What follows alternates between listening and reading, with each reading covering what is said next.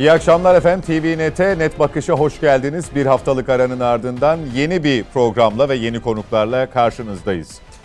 Cumhurbaşkanı Erdoğan'ın eşi Emine Hanım'la birlikte koronavirüse yakalanmasının ardından sosyal medyada nefret paylaşımlarında bulunuldu. Her şeyin ötesinde insan sağlığı üzerinden yapılan bu yorumlar yoğun tepkiye neden oldu. Bu başlıkla başlayacağız biz de bu hafta programımıza. Öncelikle konuklarımızı tanıtalım. Daimi misafirlerimiz Mete Yarar ve Nedim Şener bizimle birlikte.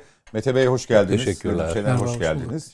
Stüdyoda konuğumuz CHP 26. dönem milletvekili Sayın Dursun Çiçek hoş geldiniz. Teşekkürler, iyi yayınlar. Ankara'dansa gazeteci Metin Özkan bize katılıyor bu akşam. Metin Bey siz de hoş geldiniz. Teşekkür ediyorum Serhat Bey. Ankara'dan İstanbul'daki konuklara ve tüm izleyicilerimize selam olsun. Çok teşekkürler. Sizinle başlayacağım. Bu nefret paylaşımları, insanlık dışı Hay hay. diyebileceğimiz paylaşımlarla ilgili olarak e, biz tabii birçok ifade gördük. E, yakalama kararları var, gözaltılar var. E, halen soruşturma kişiler üzerinde ve söylemler üzerinde devam ediyor. E, bu paylaşımlar e, alenen yapıldığı gibi e, birçoğuna imalı da rastladık. Sanki anlaşılmayacak e, derecede bir takım ifadelerle bunu sosyal medya hesaplarından paylaşma girişimi e, buna da tanıklık ettik. Ama adresin ne olduğu, nereye gittiği, e, neyi körüklediği çok belliydi. Sizin görüşlerinizi alayım. E, bir takım provokasyonlar da vardı tabii. Ondan sonra ilerleyelim tekrar bu konu üzerinde.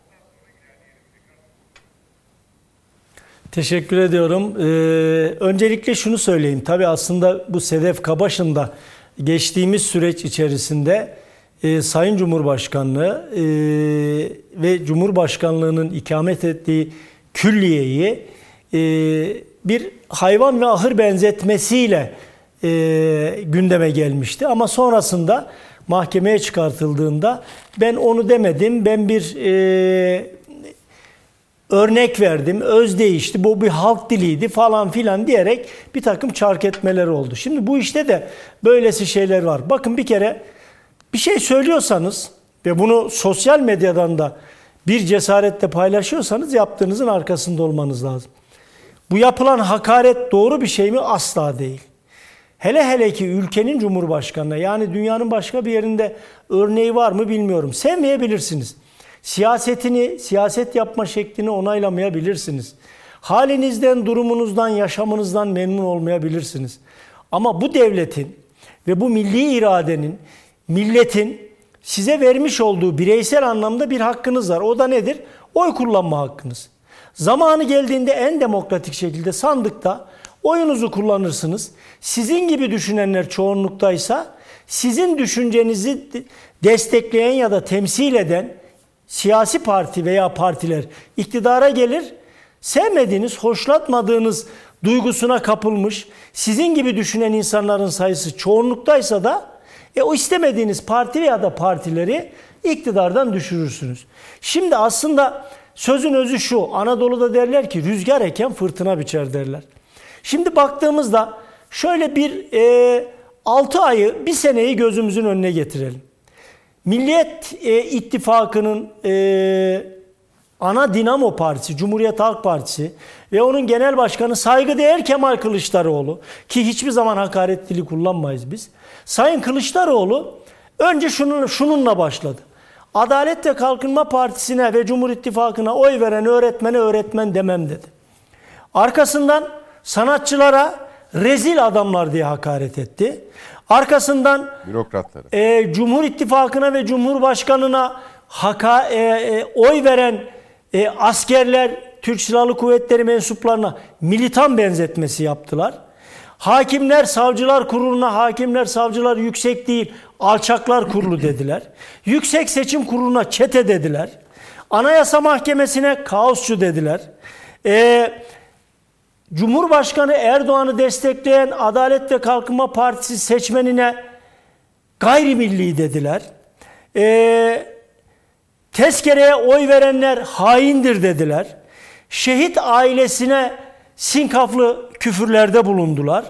e, biz gazetecilere ve bu stüdyodaki e, bazı yorumculara yani hükümeti desteklediğimizi ya da Cumhur İttifakı'nı desteklediğimizi düşündükleri e, gazetecilere yandaş dediler, e, satılık kalem dediler.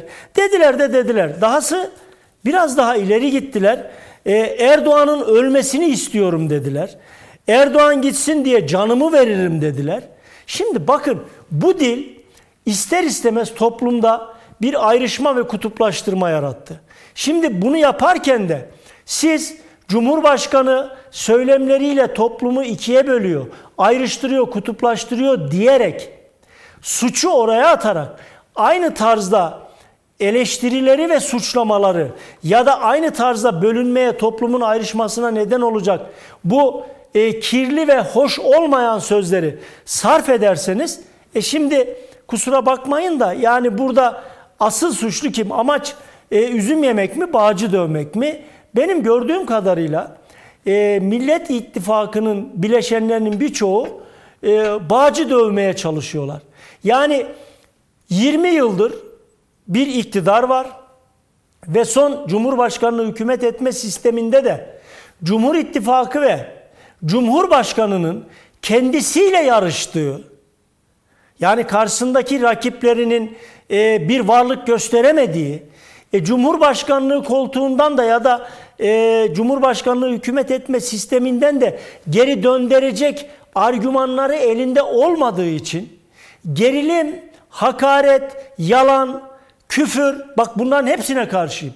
Kim ki siyasi hamlelerini eleştirdiğim Cumhuriyet Halk Partisi'nin genel başkanı Sayın Kemal Kılıçdaroğlu'na küfreder o da bence ahlaksızlık yapar, yanlış yapar. Biz küfürden yana değiliz, biz hakaretten yana değiliz. Aksine ben her çıktığım televizyon programında Millet İttifakı gibi birbirinden ayrışık yedi partiyi yani buna Pamuk Prenses ve Yedi Cüceler de diyebilirsiniz gibi bir partiyi e, bir arada tutabilme gücünü elinde tutan ve bunun için uğraşan Kemal Kılıçdaroğlu'nun Cumhurbaşkanı adayı olmak da anasının ak sütü gibi hakkıdır diyen bir vatandaş, bir gazeteci e, olarak şunu söylüyorum. Küfrü, hakareti asla tasvip edemeyiz. Hele ki kusura bakmayın ama benim ülkemin Cumhurbaşkanına, onun saygıdeğer eşine, ben Selahattin Demirtaş'ın eşine de geçmiş dönemlerde hakaret eden, küfreden insanları kınamış ama Selahattin Demirtaş'ı da terörist ve terör örgütü sözcüsü olarak tanımlayan bir insan olduğum için söylüyorum. Bakın eşler üzerinden hakaret etmek, e, küfretmek, o insanların ölümünü böyle elinizi açıp Allah'a yalvarmak yani hele bir HDP gibi siyasi partinin bir milletvekiline yakışabilir. Çünkü onlar kandan, onlar e, intikamdan beslenen bir siyasi parti. Ama normal bunun gazına gelip e, kendi halinde olup belli ki belli sıkıntıların intikamını ve hırsını Sayın Cumhurbaşkanı ve eşinden çıkarmaya çalışanları da e, kınadığımı, yakıştıramadığımı, yaptıklarının da doğru bir şey olmadığını söylüyorum. Siz Peki. bu ülkenin milli üniformasını giymiş bir sporcu olarak yurt dışında fare gibi saklanıp oradan Cumhurbaşkanına, eşine, ailesine ya da bana oy veren olarak hakaret edip küfretme lüksünü size tanımaz. Yüreğin yetiyorsa bana ise bana ya da Serhat Bey size ise Mete Bey'e ise Nedim Bey'e ise Dursun Bey'e ise varsa söyleyeceğiniz bir şey çık karşıma kardeşim. Dikil eğer hakaret etmeyi düşünüyorsan gözümün içine baka baka yap bunu da yüreğini göreyim. Bir yerlere saklanıp klavye kahramanlığı yapmak e, ben biraz insanlıkla ve adamlıkla bağdaştıramıyorum. Bu da benim düşüncem. Teşekkür ediyorum. Teşekkürler. Sağ olun Metin Bey. Ee, Sayın Çiçek, e, bu tip hadiselerde genellikle belli başlı böyle bir iki isim öne çıkıyor. Ee, Metin Bey'in ifade ettiği e, yüzücü, sporcu arkadaş e, mesela bunlardan bir tanesi. E, geçmişte de örneklerini gördük. Burada planlı bir faaliyet olduğunu, birinin öne atıldığını, onun üzerinden e, hani sosyal daha e, sosyal medyada aktif olmayan isimlerin de peşi sıra geldiğini düşünüyor musunuz? Yoksa tamamen kişisel hırsıyla, e, hakaret e, etme duygusuyla onları paylaşıyor. E, biz onun çok ne olduğuna, nereli olduğuna, hangi işi yaptığına bakmayacağız. Penceresiyle mi hareket etmeliyiz acaba? Şimdi e, Anadolu'da bir söz var. Yani kötü söz sahibine aittir diye. Dolayısıyla e, bu kötü sözleri, hakaretleri, e, sert olan siyaset dilini hiç kimse e, olumlu olarak yorumlayamaz. Eğer yorumluyorsa o da o hatanın, e, o kutuplaşmanın, o küfürlerin bir parçası olur. Dolayısıyla ben her zaman vurguluyorum. Her iki taraf için de e, hem iktidar için hem muhalefet için siyaset dili serttir, bütünleştirici değildir, ayrıştırıcıdır, kutuplaştırıcıdır. Zaten bu münferit olaylar veya sizin deyiminizde örgütlü olaylar da buradan beslenmektedir. Yani siyaset dilinin sert olması münferit veya organize bu tür e, hakaretlere, bu tür e, küfürlere e, yol açan, Müsait. ortamı, e, havayı o hale getiren yaklaşımlardır. Yani siyaset dili olumlu olsa, herkes birbirinin hastalığına saygı duysa, geçmiş olsun dese, ziyaret etse, geçmişte e, çok sert siyaset yapmasına rağmen Sayın Türkeş'in, Demirel'in, Erbakan'ın e, bir araya gelip konuştuklarını, ziyaretlerini, şeylerini, e, karikatürlerini e, şimdi hasretle e, bakıyoruz yani, imreniyoruz. Şu an o siyaset üslubu yok. O, o siyaset dili yok. Tabi burada her iki tarafta siyaset dilinin sertleşmesi anlamında kamuoyuna yanlış örnek ver, oluyorlar. Dolayısıyla bu biraz önce e, Sayın e, Metin Bey. Metin Bey'in de açıkladığı örnekler yanlış örneklerdir. Ama e, ben tutup şimdi iktidar kanadının yaptığı yanlış örnekleri sıralamayacağım. Çünkü bütün yanlışlıklara karşılayayım. Karşıyım. Siyaset dili Anadolu'nun e, kucaklayıcı, sevgi, saygı dolu, birbirinin e, sorunlarında yanında olan, sevinçlerini paylaşan bir dil olmalı. Tabi bunda da Cumhurbaşkanı milleti temsil eden bir şahsiyet olarak herkese örnek olmalı diyorum. Peki. Ee, işin yani diğer hakaret kampanyaları ama örgütlü ama organize ama münferit. Ee, burada bir e, onlarda da çeşitli göndermeler belki e, netice olarak oraya çıkıyordu ama burada bariz somut bir şekilde Sayın Cumhurbaşkanı'nın sağlığı söz konusu. Kendisinin bunu işte Twitter aracılığıyla kamuoyuyla paylaşması ve ardından gelen yorumlar. Sırf bu açıdan yani insani açıdan bakıldığında bile e, bunu nereye koyarsınız? Koyacak herhangi bir yer var mı? E, nasıl yorumlarsınız Nedim Şener? Şimdi şöyle, e, ölüye, ölüye, ölmüşe saygısı olmayanın diriye hiç olmaz. Ve bu toplum özellikle sosyal medya denilen bu çamur deryası içinde ahlakı gitgide bozulan bir topluluk haline dönüştü. E, kopyala yapıştır küfürler herkese edilir oldu e, karşılıklı kutuplaşma, iktidar ve muhalefetin kutuplaştırıcı dili, o böyle karşı tarafı rahatsız edecek, onu böyle gerecek ifadeleri kullanmak. Demden e, bir kadın gazeteci üzerinden örnek verildi. Bunun bir müşterisi var nasıl olsa. Ben bu hakareti ettiğim zaman nasıl birileri destekliyor. Nasıl olsa ifade özgürlüğü diye bir şey de var. Kalkan yapabileceğim. O yüzden ben e, ona hayvan derim, buna e, ahır derim, oraya bir şey derim. Nasılsa birileri beni destekliyor. Kahramanlaşıyorsunuz küfür ettikçe toplumda. Yani hiçbir fikri temeliniz yok. Bütün parti yandaşları kendi kurdukları veya oluşmuş troll ordularıyla birbirlerine giriyorlar. Bir meydan her gün meydan muharebesi veriliyor. Ve istisnasız ama istisnasız söylüyorum e, tam iki gün sürüyor eğer bir linç kampanyası varsa, bir hakaret kampanyası varsa tam 48 saat içinde bitiyor ama. Sonra tekrar bir tane daha üretilip bu hepinizin başına gelebilir. Bir gün bakarsınız Dursun Çiçek, Mete Yarar olur, ben olurum.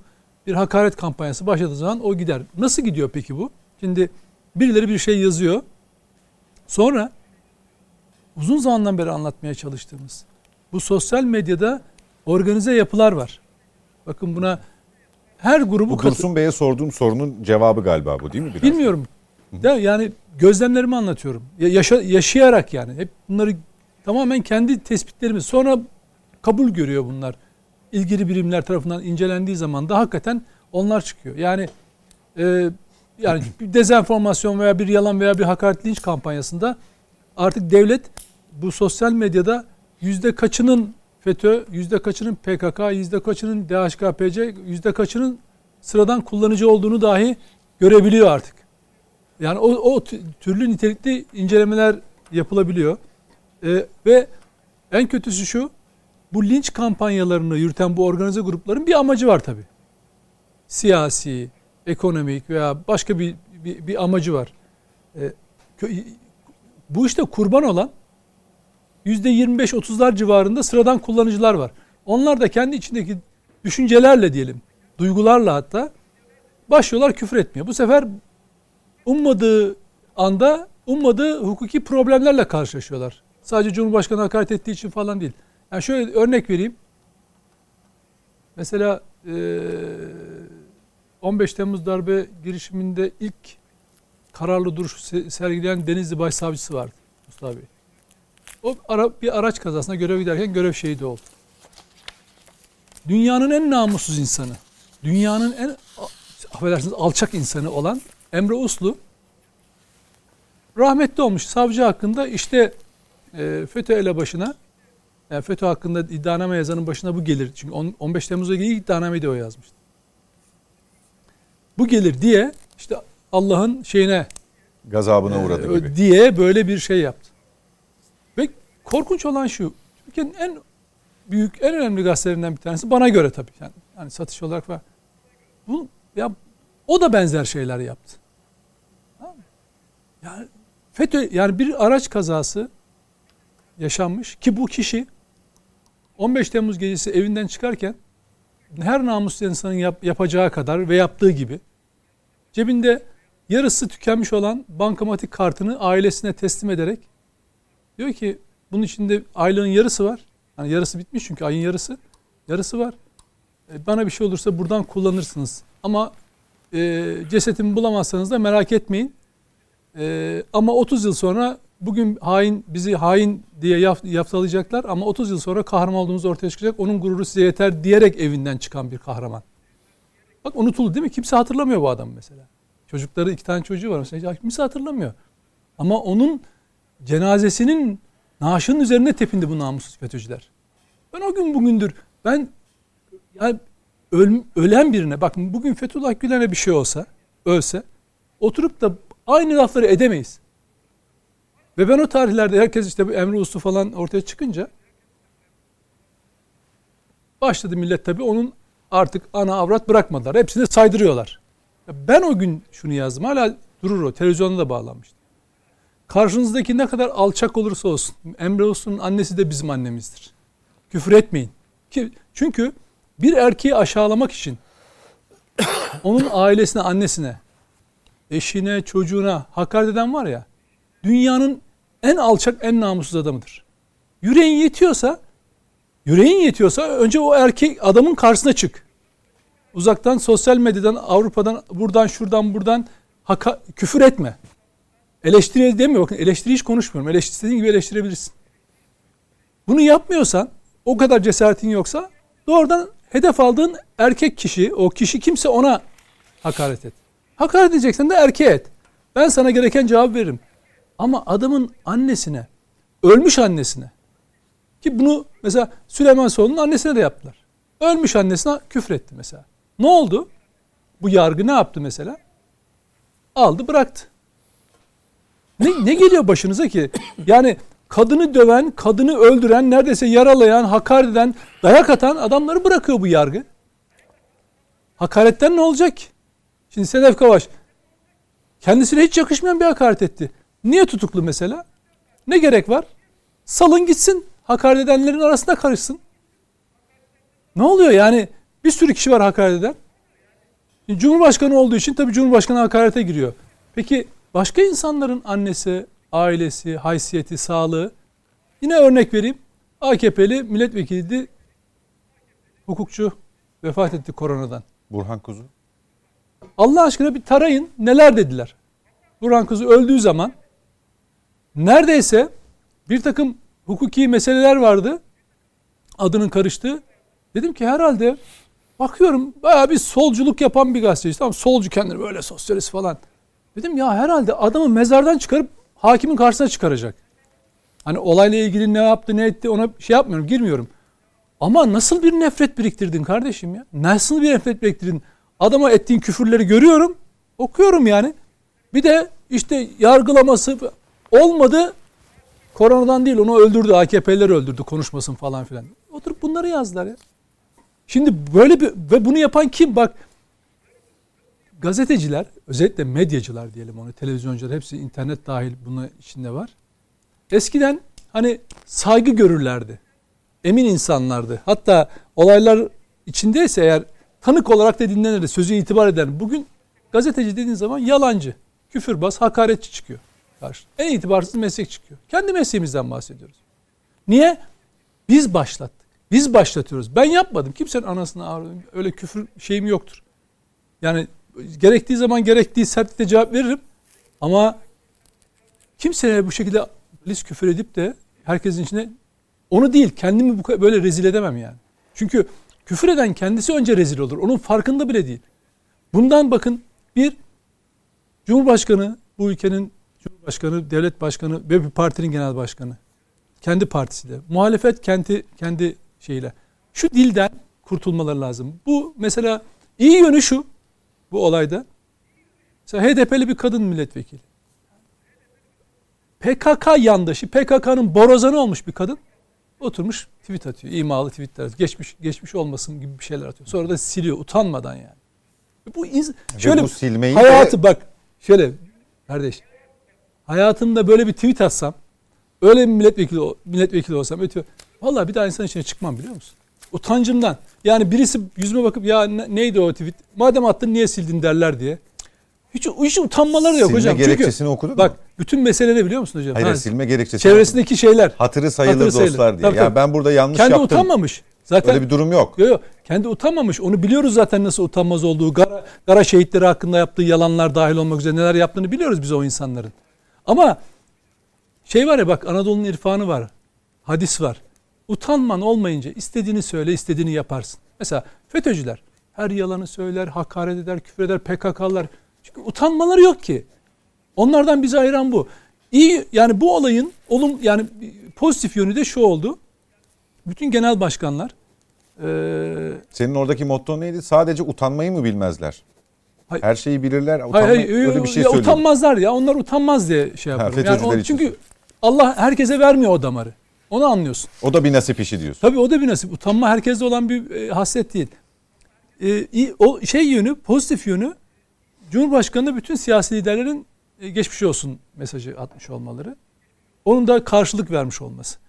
Umarım bu dil hani seçime doğru da giderken aynen devam eder ve toplum biraz hiç olmazsa evet hani balık baştan kokar diye bu sefer baştan toparlanır diye evet liderlere bakıp biraz herkes kendine çeki düzen verir. Ama önemli olan şu e, liderler ne yaparsa yapsın kanun ne derse desin cezalar ne olursa olsun kişi de edep olmayınca olmaz. Bu da olmadı. Ya utandıramadık insanları. Utanmıyor işte. Ne yapacaksın? Ne yaparsan yap utanmıyor. O zaman bu ülkenin ben hep şunu söylüyorum. Ekonomik kurtuluş savaşı veya terörle mücadelesi her ne olursa olsun devleti devlet yapan onun gücüdür. Şimdi sosyal medyada bunlar yürüyorken devletimin gücü hala bu ülkede sosyal medya şirketlerine ofis açtıramıyorsa ben devlete bakarım kardeşim. Hata sende derim. Sen seyrettiğin sürece Cumhurbaşkanına da hakaret ederler.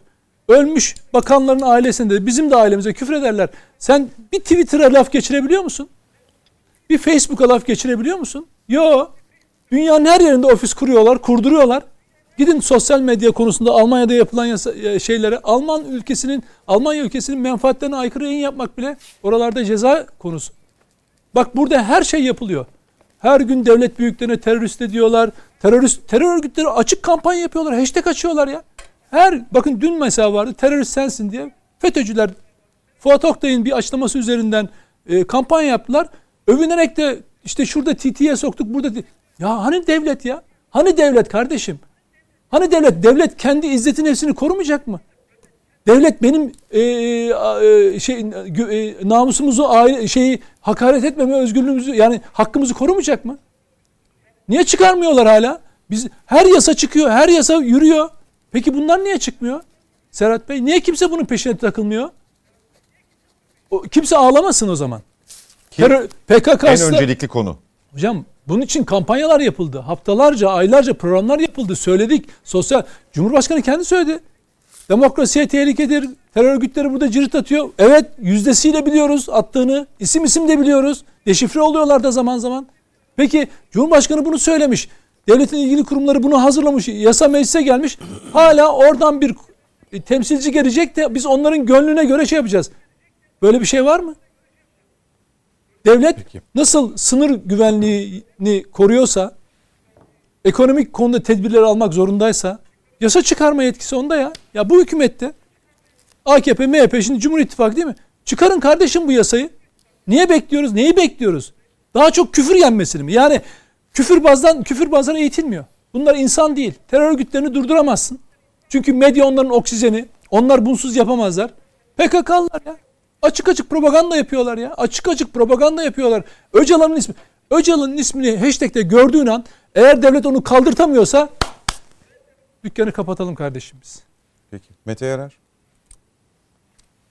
Ee, Ben de aslında e, Nedim Şener'in bıraktığı yerden biraz devam etmek isterim. Şimdi tam da önümde onunla ilgili şey var. Almanya'da Şubat ayında biliyorsun bu sosyal medya hesaplarıyla ilgili yeni bir kanun çıktı. Mesela oradaki bütün o sosyal medya hesaplarında şöyle bir maddelerden bir tanesi şu. Yalan ve nefret içekli gönderileri silmekle kalmayacak. Federal Kriminal Polis Ofisi'ne de bildirecek. Çok basit bir tane, yani yalnızca bir madde. Diğerlerini söylemiyorum. Diğerlerinin içine girmiyorum bile. Ee, eğer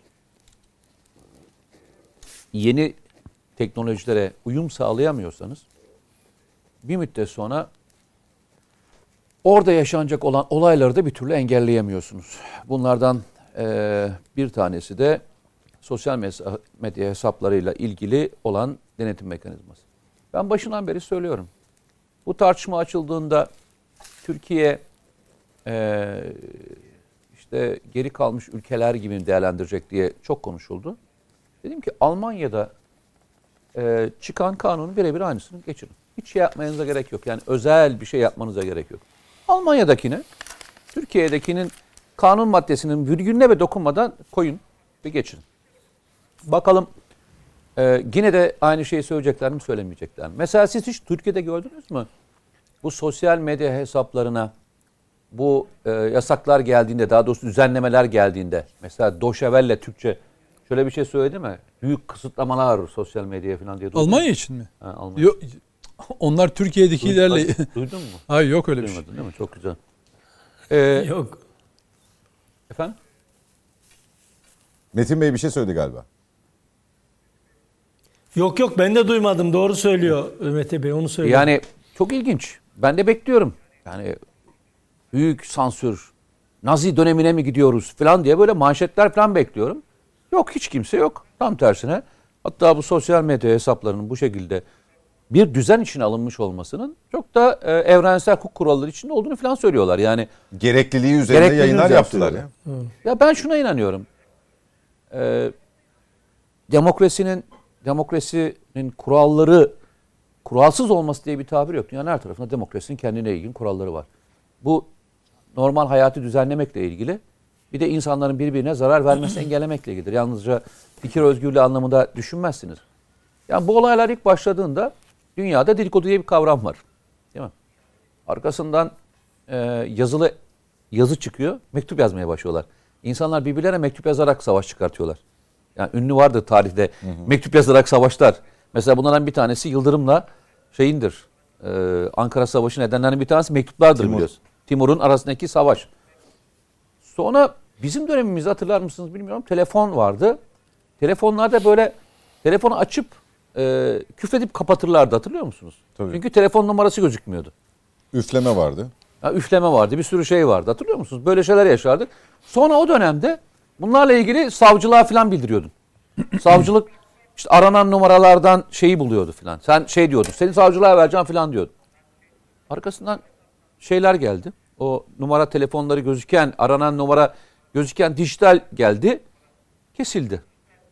Arkasından işte bu cep telefonları hikayesi çıktığında bu sefer cep telefonlarında cevapsız arama e, hani bölünme gizli numara diye gözüken numaralar gelmeye başladı. Sonra öyle bir sistem geldi ki her türlü telefon numarasını göster gösterir hale geldi. Bakıyorsun hadi onu da geçtim. Sosyal medya ile ilgili düzenleme geldi. Yaklaşık kaç yıldan beri hayatımızda çok uzun bir süredir hayatımızda. Ve bütün herkes yani Sayın Kılıçdaroğlu da trollerden şikayetçi. Aydınlar da şikayetçi, gazeteciler de şikayetçi, esnaf da şikayetçi, Ahmet de şikayetçi. Hatta ben size bir şey söyleyeyim. Türkiye'de sosyal medyanın en aşağılık kullanma yöntemlerini Ergenekon, Balyoz ve e, Poyrazköy işte ve diğer amirallere suikast davaları sırasında Twitter'da kullanarak yapmışlardı hatırlarsınız. Ve o dönemde Ali Tatar'ın e, o onur intiharına giden bölümü de o sebeplerden bir tanesiydi. Ben size söyleyeyim. Mesela o döneme dahil olmak üzere o tweetleri atanlar veya bu şeyleri yazanlarla ilgili en ufak bir işlem yapıldı mı mesela? Hiç konuşuldu mu mesela? Hiç biliyor musunuz? Tık yok. O dönem açılan özellikle Türk Silahlı Kuvvetleri'nin içinde ne olduysa yazılan hesaplar vardı. Bunlar çok e, o dönemin yaygın hesaplarıydı. Hiç e, bunlarla ilgili işlem yapıldı mı? Tık yok.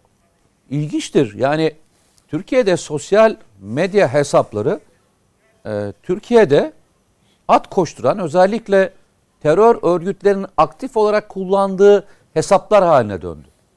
Şunu söylemiyoruz. Zaten kendini bilen, nefsini bilen insanlar e, yazdıklarının hukuki sonuçlarını da biliyorlar. hukuki sonuçlarını biliyorlar zaten. Onlar ellerinden geldiği kadar bunu düzgün kullanmaya çalışıyorlar. Olabilir, insanlık halidir. İnsan her şeyi çok doğru söylemeyebilir. Ama bakın ne diyorum. Terör örgütü dahil olmak üzere. Yani şimdi yalnızca e, şeyi konuşuyorsunuz. E işte ne diyeyim hakaret içeriklerini konuşuyorsunuz. Ya ondan çok daha ağır suçlar işleniyor Türkiye'de. Ve tık yok. Ya tık yok.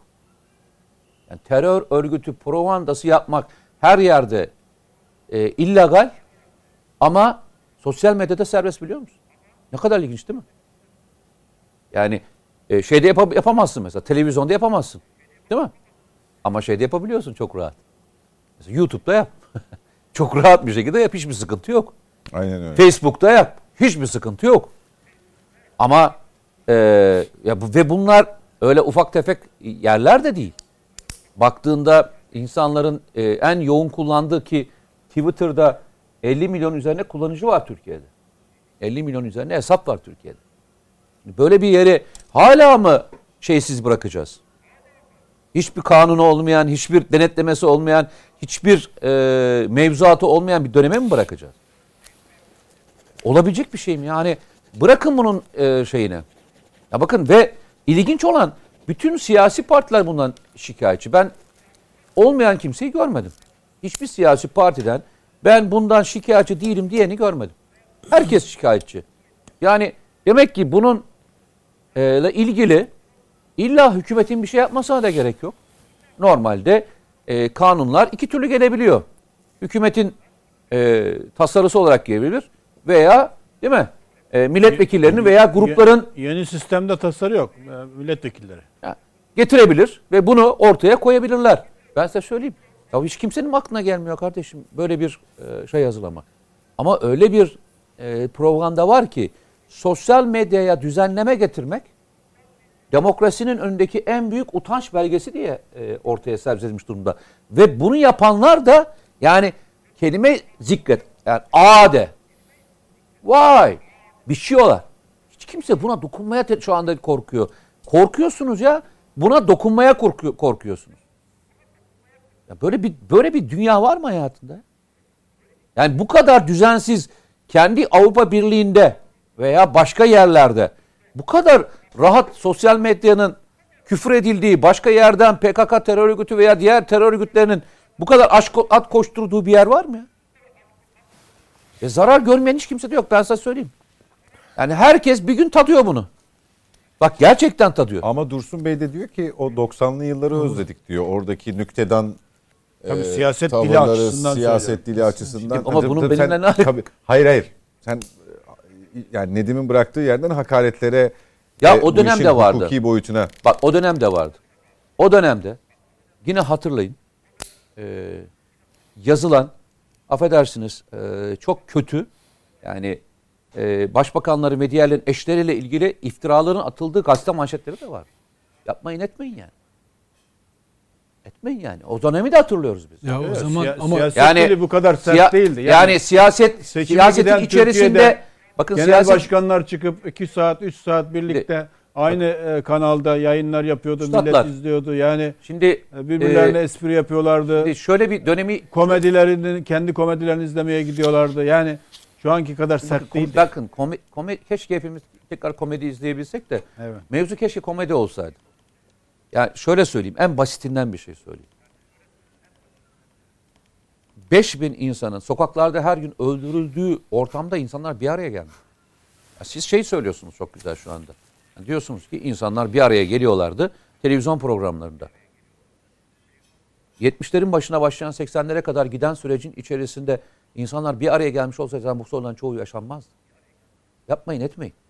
Orada bence sosyal medya etkisini de Sayın Çiçek. 90'ları konuşuyorum ben. Gözüm- Yok, ben hayır ben öncesinde de Ben söylüyorum. 70'leri ben bilmiyorum.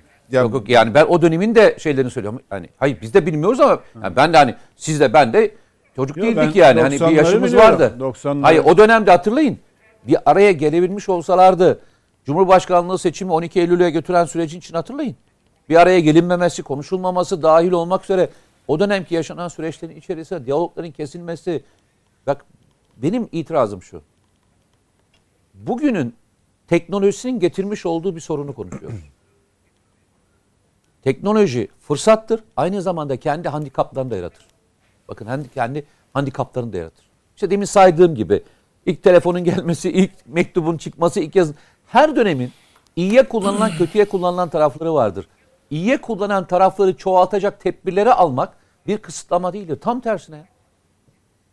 Hatırlayın ilk çıktığında şimdi görüyorsunuz normal insanlara da ne diyorlardı? Ya Twitter çok güzel bir şekilde konuşulan edilen şimdi bir çöp e, deryasına döndü deniyor. Doğru mu? Ya arkadaş o zaman hep beraber el birliğiyle bunun düzenlemesini doğru bir şekilde yapalım. Kimse şunu söylemiyor ki fikrini beyan etmesin demiyor ki. Fikrini beyan etmesin demiyor ki. Çöp deryasına dönmediği dedikleri yer sosyal medya düzenlemesi kanunun olduğu yerler zaten. Çok faydasının bahsedildiği politik alan olmasına rağmen, çokça bir politik alan olmasına rağmen Twitter'ın yurt dışındaki diğer ülkelerde ki o senin sözünü ettiğin muhafaza var hala. Bizde öyle konuşuluyor. Bir de şu etkiyi bilmiyorum. e, Sayın Çiçek'in tespitiyle e, Twitter özelinde konuşuyoruz tabii biz sosyal yine o politik alan olması hasebiyle diğer sosyal mecralara da yansıyor belki ama e, orada biraz daha işi eğlenceye biraz daha böyle reality tarzı bir şeye çevirebiliyorlar. Twitter'da bilmiyorum bu Twitter'ın misyonu arasında var mı ama insanlar daha önce televizyon kanallarına talk show'lara bile bağlandığında böyle bir heyecanlanırlardı, bir e, ürkerlerdi, yanlış bir şey söylememek için imtina ederlerdi. E, bir gerilimli bir şey olduğu zaman özürlerini hemen dilerlerdi. Şimdi burada herkes e, lafın nereye gideceğini bilmeden, hesap etmeden öyle bir saldırgan hale geliyor ki cevapta da tabii ona yani mukabele edildiğinde de bu sefer küfre varıyor iş. O şekilde zincir Ama vaziyette şöyle- görüyorsunuz onu. Burada- Bir- Orada garip bir cesaret Yok oluştu. yok hocam şöyle çok özür dilerim. Bak, bir şey- Hesaplar tek- için e, Teknik evet. Teknik bir şey söyleyeyim orada. Ee, şey yönü, e, bunu tahrik eden yönü etkileşim. Yani bir kişi bir şey yazdığı zaman onun altına yapılan yorumlar ve ona verilen cevaplar bu Beğeniler, bahsettiğiniz şey, bu şeyi tetikliyor. Ne beğeniliyorsa takipçinizin nabzına göre yapmaya çalışıyorsunuz. Bu sefer sizi onlar coşturuyor. Bu televizyon programına katılmışsınız veya bir programa katılmışsınız. İzleyicinin e, sizi alkışlama alkışına göre bir yükselirsiniz ya. Sonra ne söylediğinizde ayaklarınız yerden kesilir, unutursunuz. Ondan sonra ağzınızdan laf, bir takım laflar çıkar. Sonra diliniz sizin katiliniz haline dönüşür. Bütün itip şeyiniz gider yani. Algoritma da buna hizmet ediyor ama. E, işte ediyor ama, tabii. ama şey biraz farklı yani. Tw- Twitter'da yazıyorsunuz. E, Tweetlemeden önce de bakıyorsunuz, tekrar ediyorsunuz. Yani böyle ani işte sahnede veya canlı yayında yaptığınız hata gibi bir durum değil. Yani düşünüyorsunuz, yani değerlendiriyorsunuz. Öyle Sonra oldu, öyle olmasına rağmen Rağmen. bu şekilde Şimdi- cereyan ediyor. temel sorun o. Şimdi e, Mete Bey de söyledi. E, eğer bu sosyal medyayı batıda olduğu gibi veya çağdaş ülkelerde olduğu gibi bir düzenleme getirmezseniz önüne gelen hesap açıp işte troller, murallar sağa sola saldırırsa bunu da siyaset bir yöntem olarak kullanırsa e, bu noktalara geliriz yani. Şimdi her konuda yasal düzenleme yapıyor. Eğer meclise gelse ben muhalefetin de zaten bir görüş birliği olduğu noktasında hem fikiriz. Buna destek vereceğine inanıyorum. Bir kere e, gerçek veya tüzel kişilerin e, kurumsal olarak açtığı hesapların dışında gizli e, işte yan, farklı isimlerle bilmem nelerle hesap açılması yasaklanması lazım. Sırf küfür etmek için, sırf trollemek için hesap açanların engel olması lazım. Bunun yasal düzenleme getirilmesi lazım. Şimdi iktidar ne yapıyor? Bunu yasal düzenlemeyle sınırlamak yerine e, kendisi de e, muhalefetin kullandığı gibi troller kullanıyor. Bu doğru değil. İkisi de yanlış. Yani e, gerçek kişilerin veya tüzel kişilerin kurumsal açacağı hesaplarla sınırlasanız kimin ne söylediğini anında e, kolluk yakalayabilir bilişim suçları anlamında söylüyorum. Yakalayabilse gerçek kişilere ulaşsa bu hesap e, işte yurt dışındadır ulaşılamamış bir, sürü bize de hakaret oluyor. Şikayette bulunuyoruz yurt dışında ulaşılamamıştır bilmem ne. Cumhurbaşkanı şanslı. Çünkü e, adına takip edilen e, su- su- suçlar var. Vatandaşlar öyle değil. Bize yıllarca darbeci dediler, yalancı dediler. ne diyor? Milli millete komplo kuran albay dediler. Yani FET Ergenekoncu dediler. De- demedikleri kalmadı. Biz kendi gücümüzle bunları takip etmeye çalışıyoruz. Siyasi iktidar öyle değil. Siyasi iktidar kendi gücünü de kullanıyor. Yani devletin gücünü de bunları takip için kullanıyor. Muhalefetin de devletin gücünü kullanma imkanı yok. Dolayısıyla bu düzenlemeyi yapmak temelde iktidarın görevidir.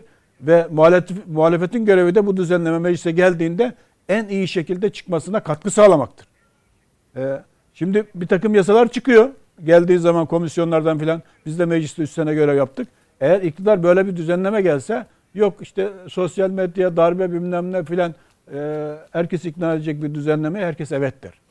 Burada bir şey yok. Ama e, sosyal medyayı hem muhalefet hem iktidar e, bir propaganda aracı olarak kara propaganda, siyah gri propaganda aracı olarak kullanırım diye bu alanı boş bırakıyorsa işte zaten sorun orada. Sorun orada. Ya yasal düzenleme yapıp bu tür suçların önlenmesini engelleyici adımlar atmak yerine bu alan boş kalsın. İkimiz de yani muhalefet nasıl kullanıyorsa benim gücüm daha fazla iktidar olarak ben onun iki katı kullanırım diye bir art niyet varsa zaten temel sorun da burada. Bunu aşmamız lazım. Peki. Ee, ara vakti e, reklam arasına gidiyoruz. Sonrasında Metin Özkan'la net bakışa devam edeceğiz efendim. Bizden ayrılmayın.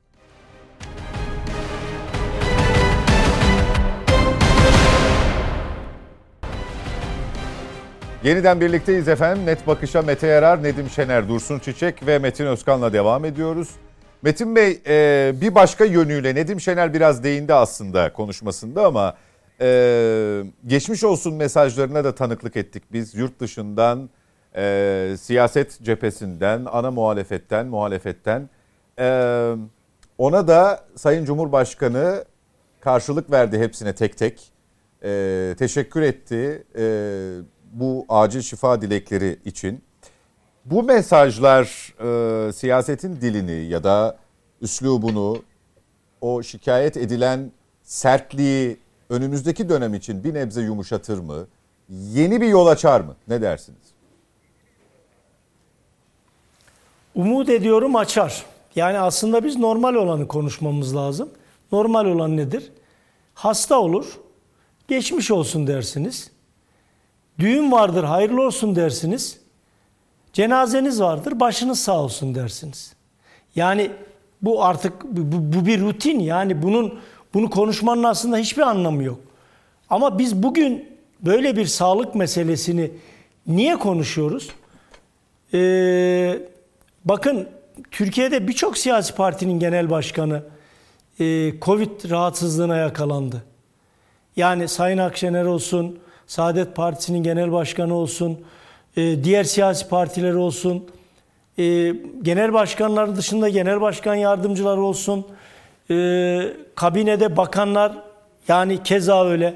Yani burada geçmiş olsun gibi bir cümleyi kullanmak yerine Allah şifa versin cümlesini kullanmak yerine çok çok özür diliyorum Allah belanı versin cümlesini sarf edenler olmasa biz bugün bunu konuşmaz başka bir şey yok. Yani mesela niye hala e, Millet İttifakı'nın bileşenlerinin e, HDP'den hala bir aynı fotoğrafı veremediklerini ya da Ahmet Davutoğlu'nun gelin bu ittifakın adını değiştirelim mi? Siyasetin başka şeylerini konuşuyor olurduk. Normal şeylerini konuşuyor olurduk. Ama biz bugün başka bir şeyi konuşuyoruz. Evet tamam bu dili yumuşattı. Bakın ilk e, konuşmamın ilk bölümünde de söyledim. Siz ülkeyi bölen, parçalayan, kutuplaştıran diye sadece karşınızdaki siyasi düşünceyi suçlayıp ama siz onun iki kat fazlasını yaparsanız olmaz. Yani e, namussuzlardan hesap soracağım diyerek ülkenin cumhurbaşkanını e, çok özür diliyorum şeref yoksunu kelimesini kullanıp alçak kelimesini kullanıp başka başka daha sinkaflı kelimeleri kullanıp bunları siyasetin bir diliymiş gibi normalleştirmeye ya da bunu toplum nezdinde normalmiş gibi göstermeye çalışırsanız bunların hiçbirini hiçbirimizin kabul etmesi mümkün değildir.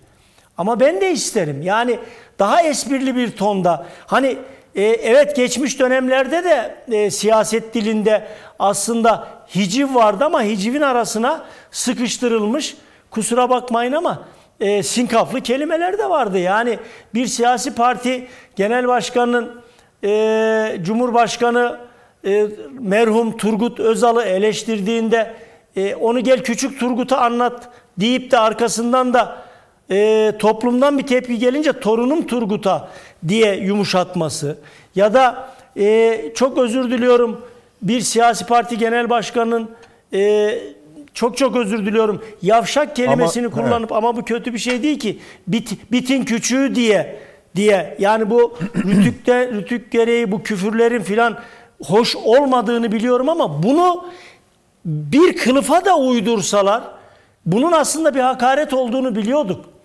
Ama bu kadar yaygın değildi. Yani sevgili e, değerli dostum Nedim Şener'in de e, Mete Bey'in de e, Dursun Bey'in de bunların e, hiçbirinin zaten tasvip ettiğini düşünmüyorum. Yani e, bir televizyon programında e, bir kaşar kelimesi kullandık diye insanlar başka şeyler sö- söylemeye kalktı. Başka yere çekmeye kalktı. Şimdi e, siyasette hiciv olmalı. Siyasette üslubun yumuşaması mutlaka olmalı. Ama e, siz toplumun da kamuoyunun da e, bu çirkin ve sinkaflı dili kullanmasına hizmet edecek, onları cesaretlendirecek, yani hükümeti eleştirmeyi, bir siyasetçiyi eleştirmeyi e, normal bir çerçeveden çıkarıp bunu küfrederek, hakaret ederek e, yaptığınız zaman e, millete bunun da normal olduğunu anlatırsanız e, millet de hani imam cemaat e, misalinde olduğu gibi e, arkanızdan o insanlar bir kez daha söylüyorum canı yanmış olabilir. Hayat standartlarından bunalmış olabilir. Geçim sıkıntısı çekiyor olabilir. Ne olursa olsun bunun demokratik bir yolu vardır. Orası da sandıktır. Milli iradenin tecelli ettiği yerdir. Siz sizin gibi düşünmeyen insanları denize dökeceğiz diye tehdit ederseniz ya da siz bu ülkenin cumhurbaşkanına Adnan Menderes'i hatırlatmaya kalkarsanız biz gazetecileri de, televizyoncuları da, iş adamlarını da, siyasetçileri de TRT ekranlarında yargılayacağız diye bir tehdit dili kullanırsanız E karşı tarafında size eyvallah abi ne güzel hakaret ediyorsun ya. Ne kadar da tatlı e, bize sinkaflı sinkaflı giydiriyorsun. Aman ağzına sağlık. Allah yüreğine zeval vermesin, diline kuvvet mi demesini bekliyorsunuz arkadaş. Yani biz Anadolu insanı, biz Türk Türk milleti olarak kusura bakmayın. Gül atana gül, yumruk atana yumruk atarız. Böyle bir üslubumuz var. Şimdi siz bunu böyle bir alışkanlığı olan bir milleti yani biz kahkahalarla gülerken iki saniye sonra hüngür hüngür ağlayabilen bir toplumuz. Biz duygu değişkenliğini çok çabuk yaşayan bir toplumuz. Ama bizim hiç değişmeyecek bir şeyimiz vardır. Örfümüz, adetimiz, anenemiz, geleneklerimiz. Büyüklerimize karşı asla saygısızlık etmeyiz. Biz babamızın, atamızın önünde ayak ayak üstüne atmayız. Benim annem rahmetli dedemin yaş- yanında yani kusura bakmayın ama 45 yaşında 50 yaşındaki annem rahmetli dedemin yanında hala konuşmazdı. Derdi ki oğlum dedene söyle çay içer mi derdi. Yani yanında dikilerek sorardı bunu. Hani bir Anadolu'da gelinlik etme töresi terbiyesi vardı bizde. Biz buradan nasıl bu hale geldik? Biraz bunu da sorgulamamız gerekmiyor mu Serhat Bey? Yani tamam e, sosyal medyadaki bu yozlaşmada Mete Bey çok güzel anlattı. Yani sosyal medya e, düzenlemesine siz Z kuşağı sosyal medyayı çok kullanıyor. Onları mı kızdırırız diye oraya girmezseniz olmaz.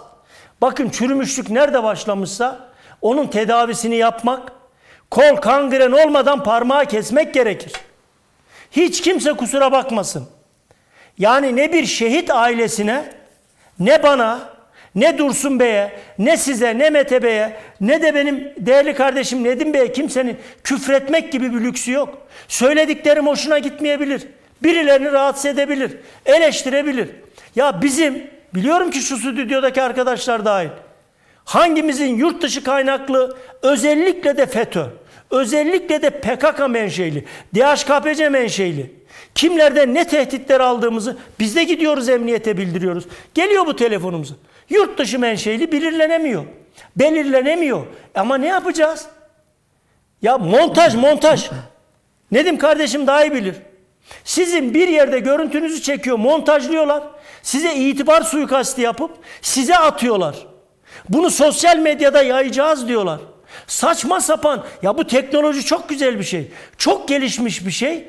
Ama bu tehdit, bu küfür, bu hakaret, bu kutuplaştırma, bu aşağılık dilin normalleştiğini kabul edemeyiz.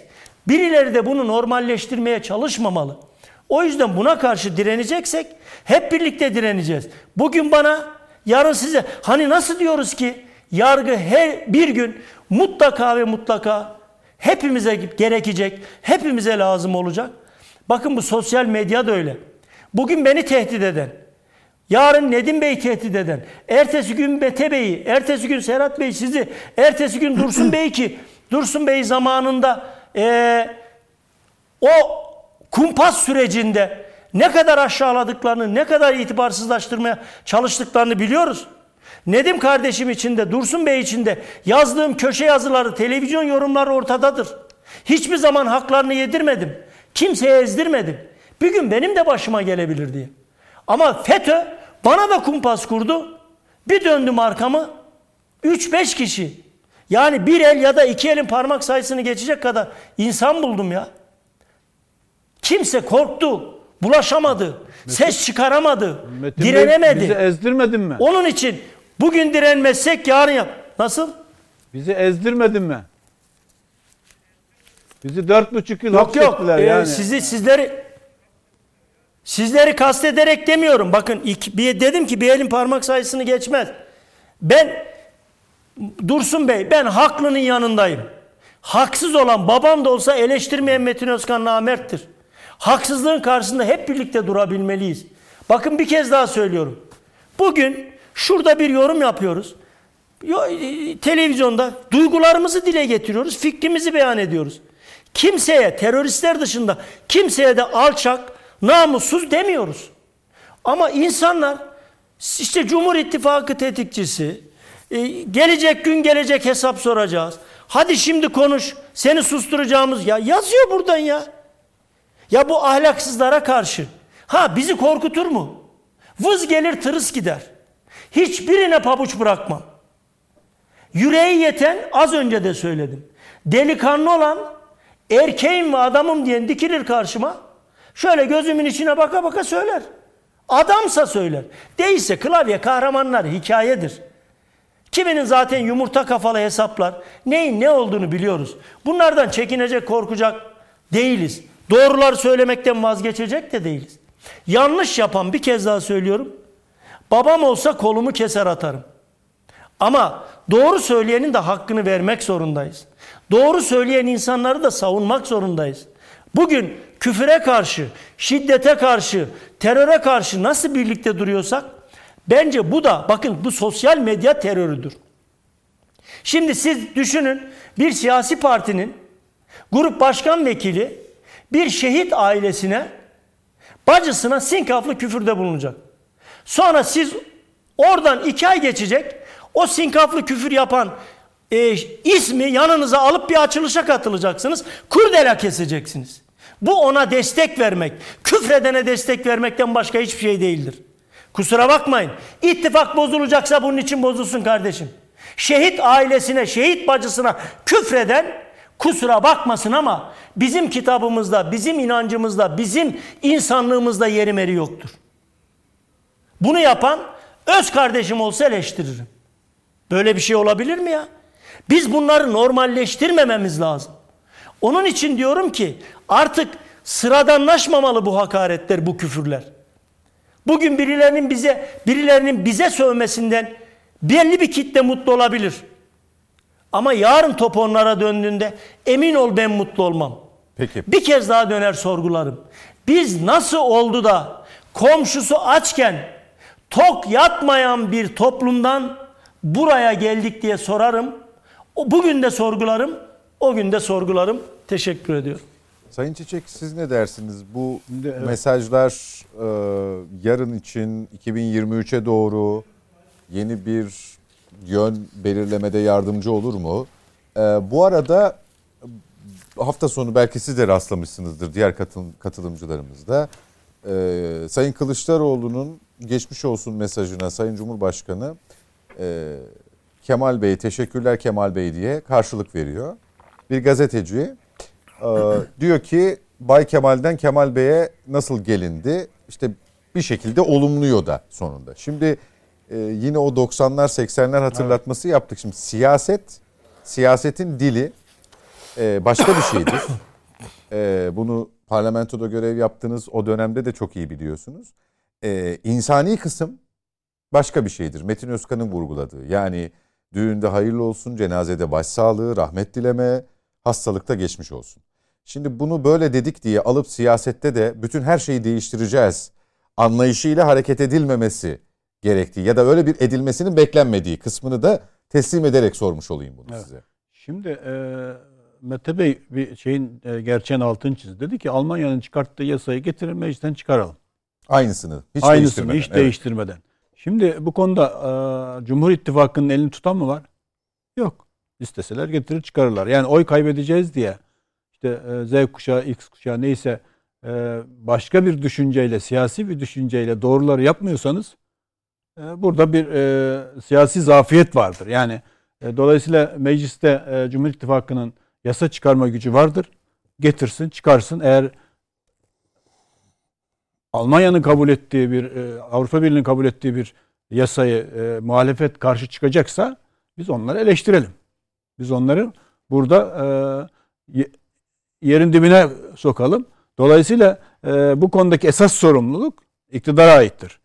Diğer konu geçmişteki e, siyasi örnekler. Tabii ben 80 öncesini e, hatta e, 80 öncesini hatırlamıyorum. Yani o, o daha küçük olduğumuz için 80 sonrasındaki siyaset dilini hatırlıyorum. E, zaman zaman da eleştiriyoruz ama bu kadar sert değildi. Yani e, şimdi düşünebiliyor musunuz? Yani e, dört tane siyasi parti lideri işte sizin moderatörlüğünüzde 3 saat e, seçimleri, vaatleri tartışıyordu yani. Bu önemli bir sahne Açık millet oturum. için. Evet açık oturumlar. Önemli bir e, dayanışma. Önemli bir e, resim yani. Bunu özlüyoruz. Şimdi ben hatırlıyorum rahmetli Demirel kendisiyle ilgili komedileri izlemeye gelirdi. Alkışlardı yani karikatürleri. E, odasına asardı. Yani e, bunlar tabii topluma olumlu olarak yansırdı. Mutlaka onlarda da eleştirilecek tavır ve davranışlar olmuştur. O açıdan burada iki temel konu var. Bir, siyaset dili e, normalleşmeli, insani boyutuyla ön plana çıkmalı. Yani siyasi sert söylemler e, siyasi bir konuda olabilir. İşte ekonomik bir konuda olabilir, dış ilişkilerle ilgili olabilir ama kişilerle ilgili, kişilik haklarıyla ilgili, kişinin özel hayatıyla, insani değerlerle ilgili sertliği ben kabul etmem. Hiç kimse yapamaz yani. Yapmaması lazım. Çünkü önce insanız. Şimdi mecliste zaman zaman kürsüden e, çok şiddetli tartışmalarımız olurdu ama konu siyasi bir konuydu.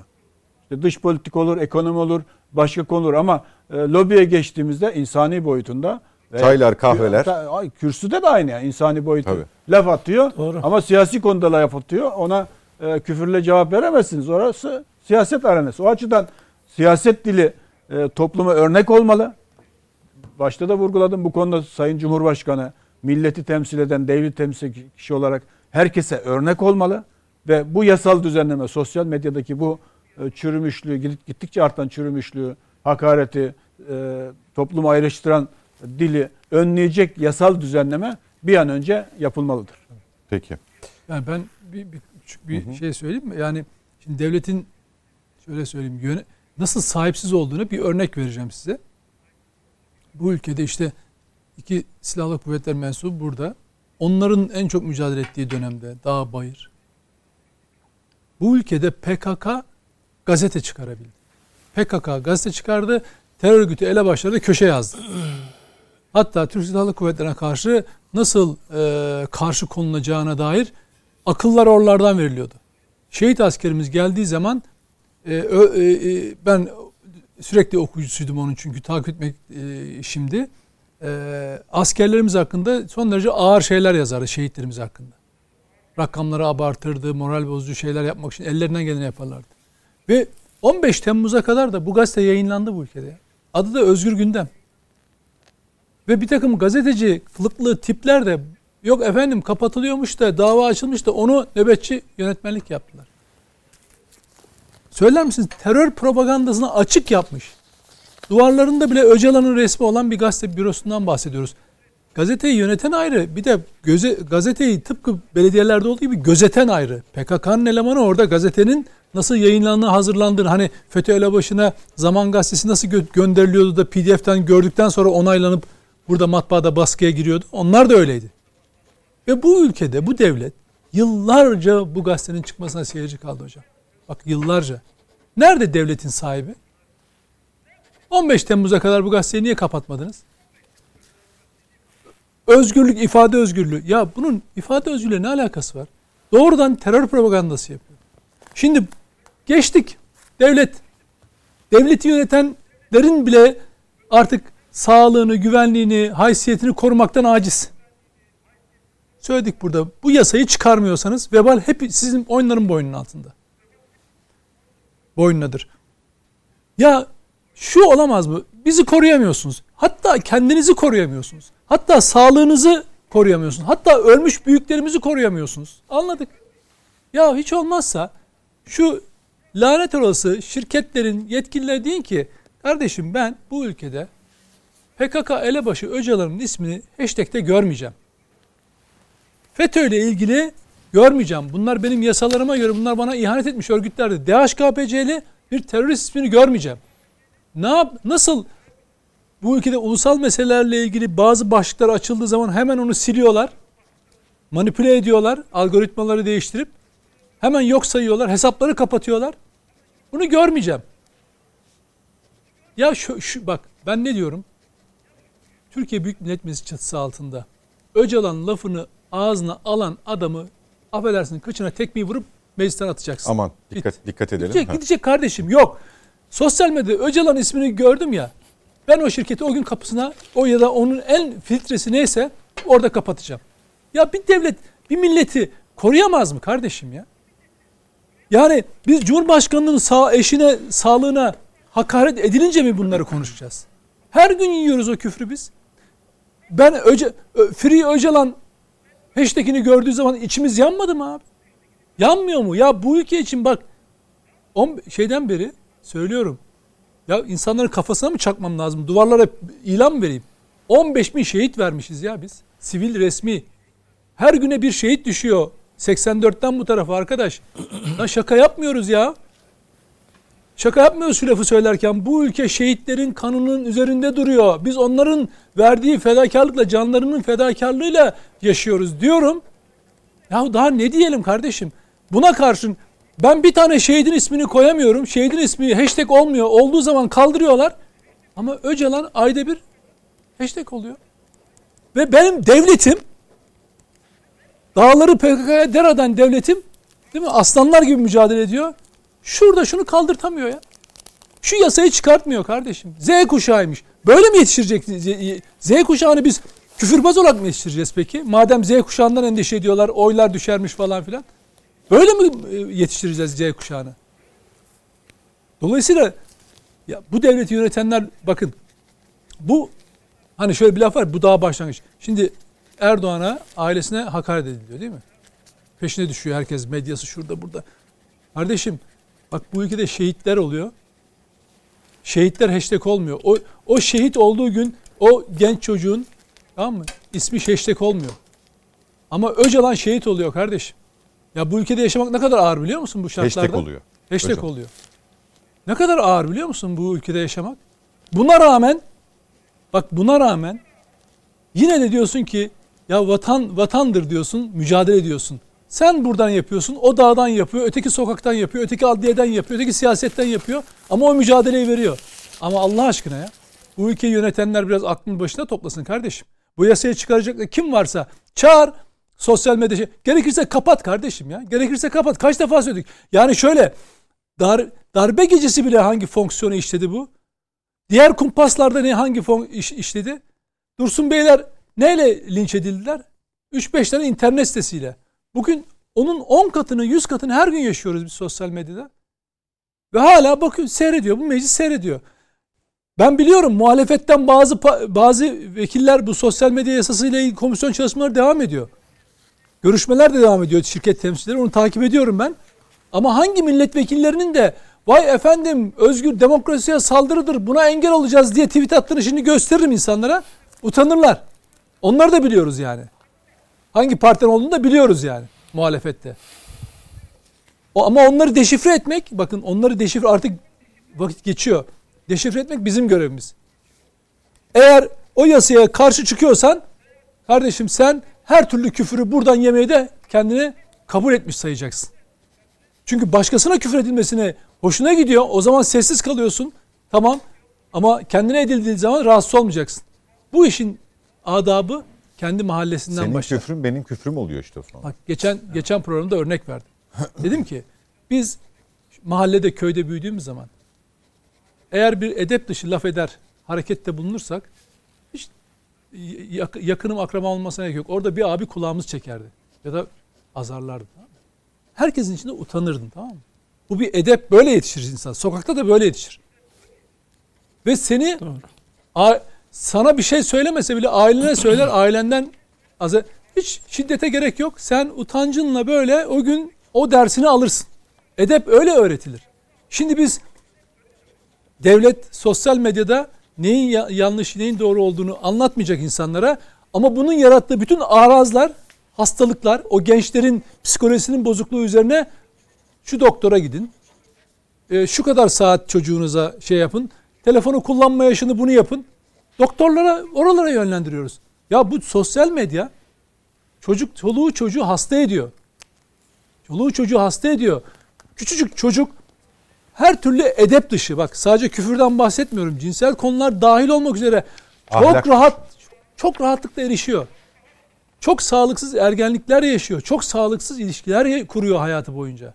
Ya devletin bunları hani anayasada var ya devlet toplumun sağlığını, şeyini, e, ruh sağlığını her şeyini korur. Anayasal görevidir.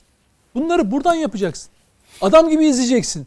Yani Cumhurbaşkanı'na hakaret etti diye e, iki kişiyi bulup ondan sonra hak, hakkında yakalama kararıyla iş çözülmüyor ki. Bir koca toplum hastalanıyor ya. Bir koca toplum hastalanıyor. Yine bakın bunu böyle anlatıyorum insani boyutuyla. Asıl korkunç şu diyorum size. Ya biz bir Aybüke öğretmeni ölüm yıl dönümünden ölüm yıl anıyoruz. Rahmetli öğretmenimiz, şehit öğretmenimize 12 saat hashtag kalmıyor yani başlık olarak. Ama 48 saat Öcalan kalıyor kardeşim ya. Bunu benim devletim engelleyecek kardeşim. FETÖ'cülere göz açtırmayacak. Bu mücadele sadece hukukta, işte bir, bir grup insan, bir grup poliste, bir grup istihbaratta, askerde falan mücadelesiyle yürümez ki. Sen yasa, yasama ne yapıyor? Yasama. Yasama dediğiniz meclis çatısı altı. Terör örgütünün en kolay cirit attığı yer. Öcalan'dan başka Kürdistan kelimesi daha bir ay önce şey haysiyetsiz bir herif orada Kürdistan lafı etti. Bir milletvekili. Mecliste. Ondan sonra ne oldu? Üç oturum ceza.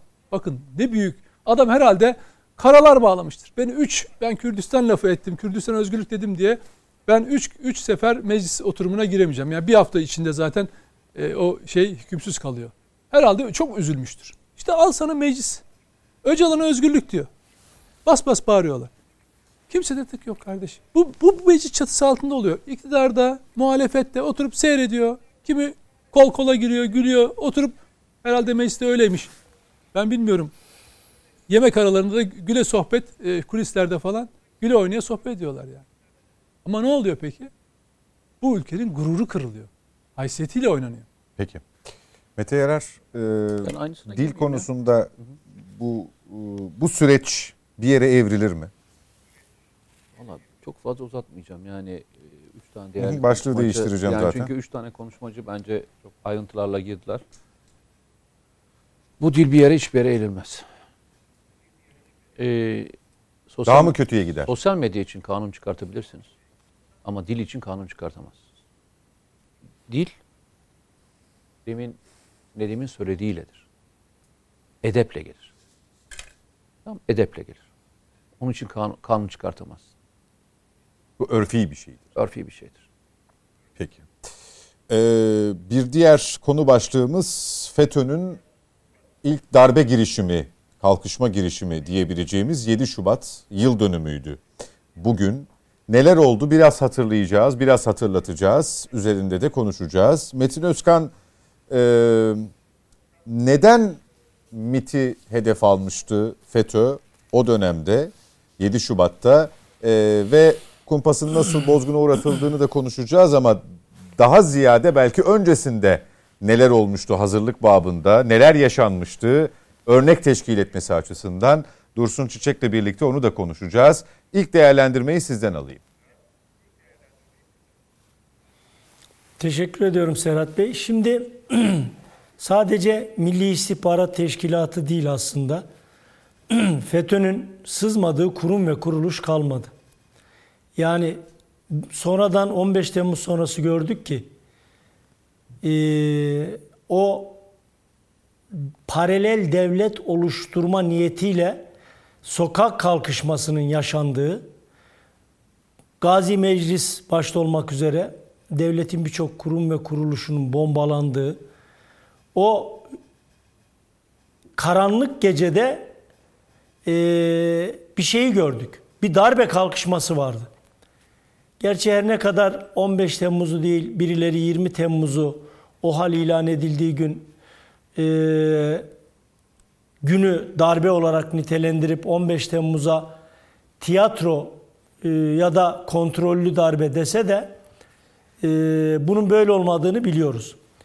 Keşke o 20 Temmuz gecesi alınan kararlar 15 Temmuz'dan çok çok önce alınmış olsaydı da ne bu MIT e, operasyonu ne de devletin e, tırlarla işte MIT tırları meselesi de oradan zaten e, çıkıp geliyor. Bu e, oyunlara, bu kumpaslara Türkiye Cumhuriyeti Devleti gelmemiş olsaydı. Şimdi tabi Milli İstihbarat Teşkilatı çok önemli.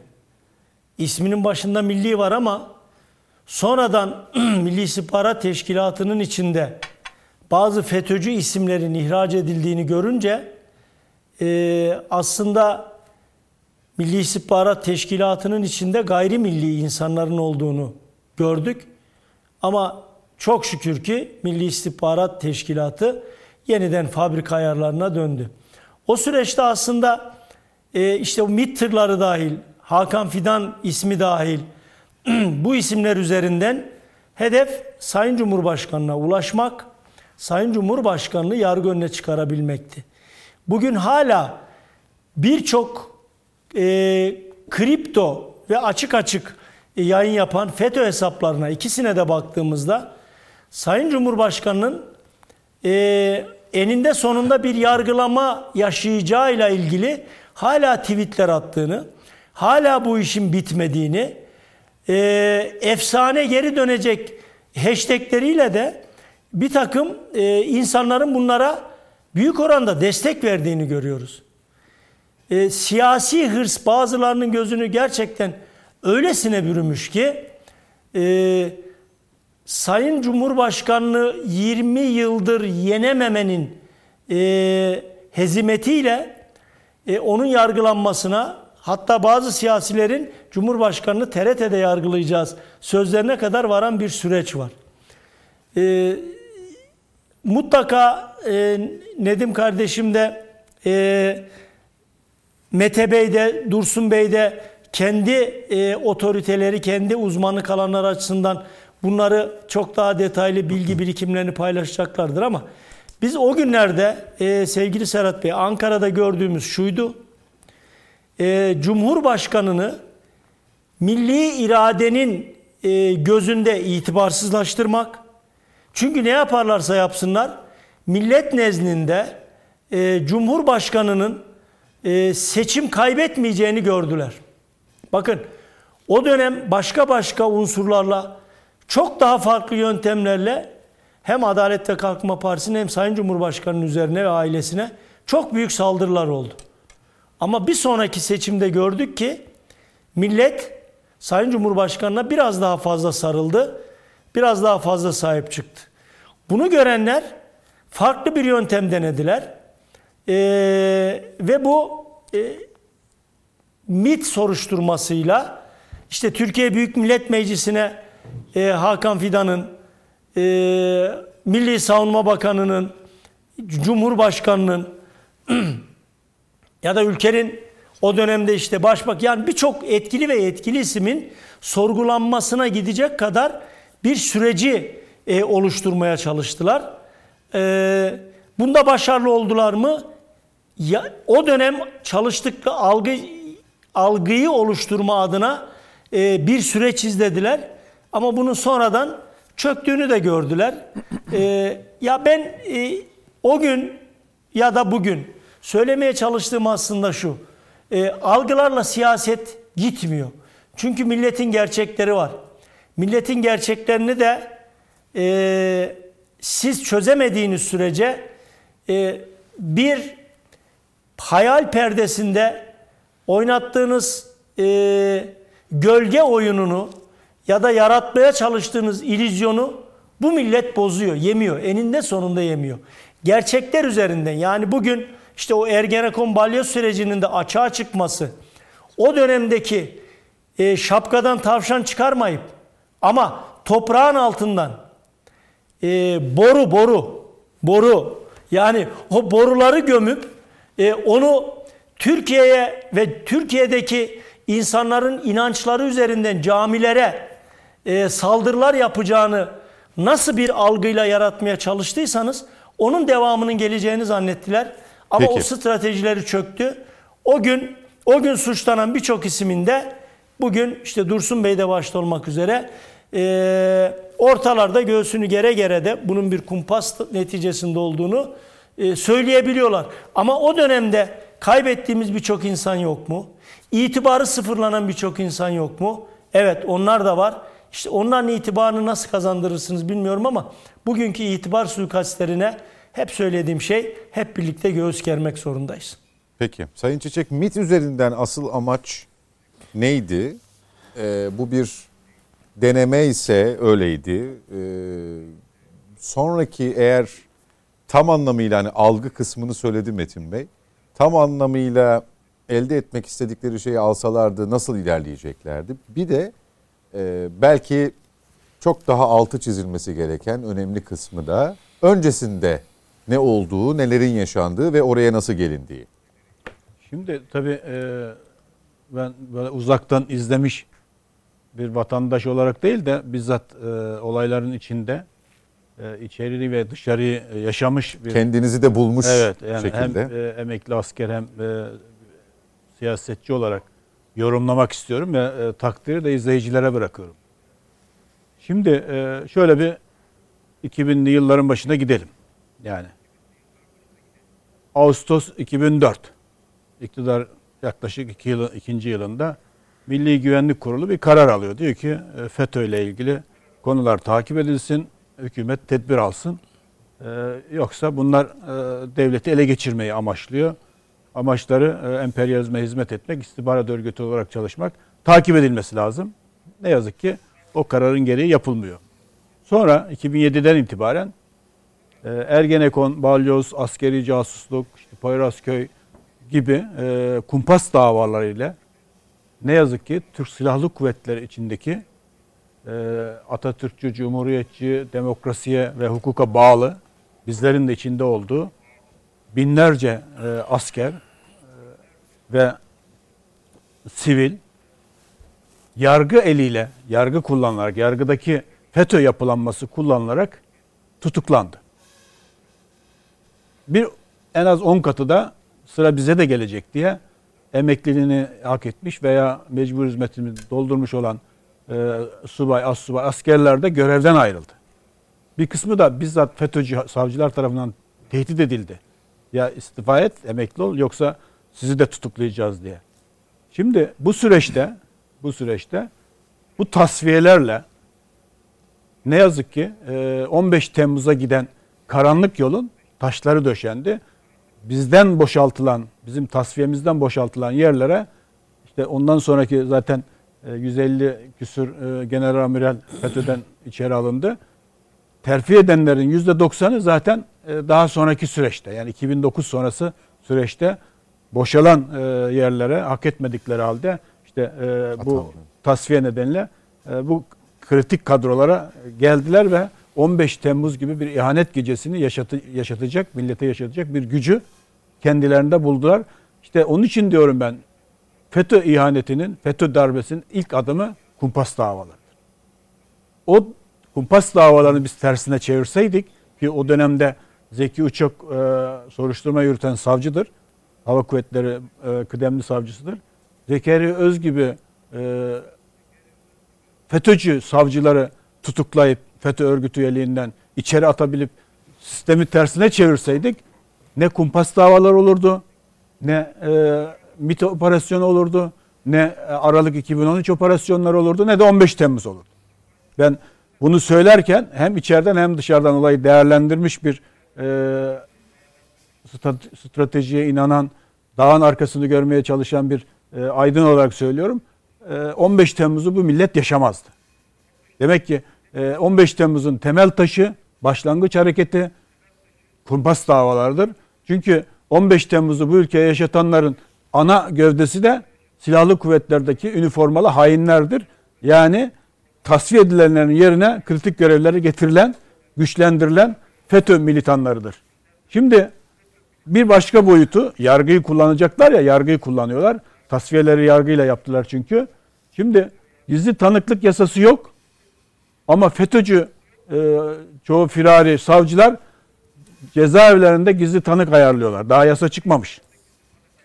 İki, askerlerin yargılanması görev suçlarıyla ilgili askeri yargı olmasına rağmen anayasaya aykırı olmasına rağmen ki anayasa sonra anayasa mahkemesi iptal ediliyor.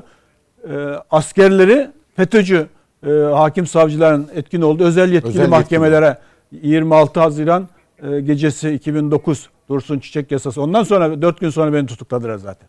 Çünkü ondan önce askeri savcılık hakkında takipsizlik vermişti. Böyle bir e, sahte plan yok diye takipsizlik vermiş. Sonra Mehmet Haberalı haksız yere tutuklayan hakimlere Yargıtay tazminat davasına hükmetti. Ne yazık ki bu meclis o tazminat davalarını devlet öder diye yasayı değiştirdi. Yani FETÖ'cü hakimleri tazminattan kurtardı. E, siyasi cinayetleri işlemeler için ellerini serbest bıraktı. Yani başka bir şey özel yetkili mahkemeler adalet dağıtmıyor diye Türkiye Büyük Millet Meclisi bu mahkemeleri kapattı.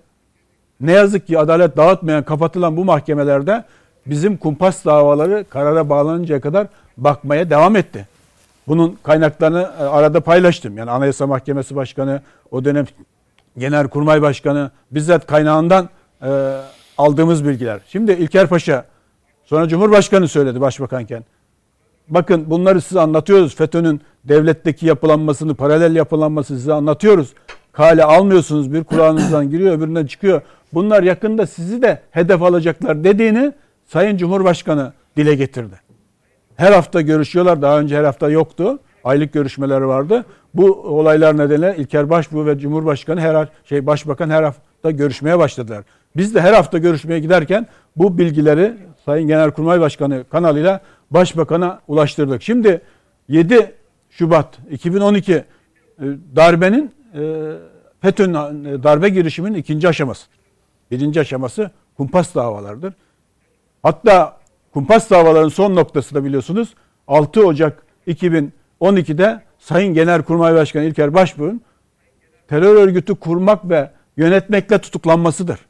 Yani kumpas davalarının geldiği en tepe noktası orasıdır. Bir ülkenin genelkurmay başkanı terörist diye tutuklanıyorsa ve buna siyasi iktidar bir çare aramıyorsa arkasından bir ay sonra sıra MIT'e gelmiştir.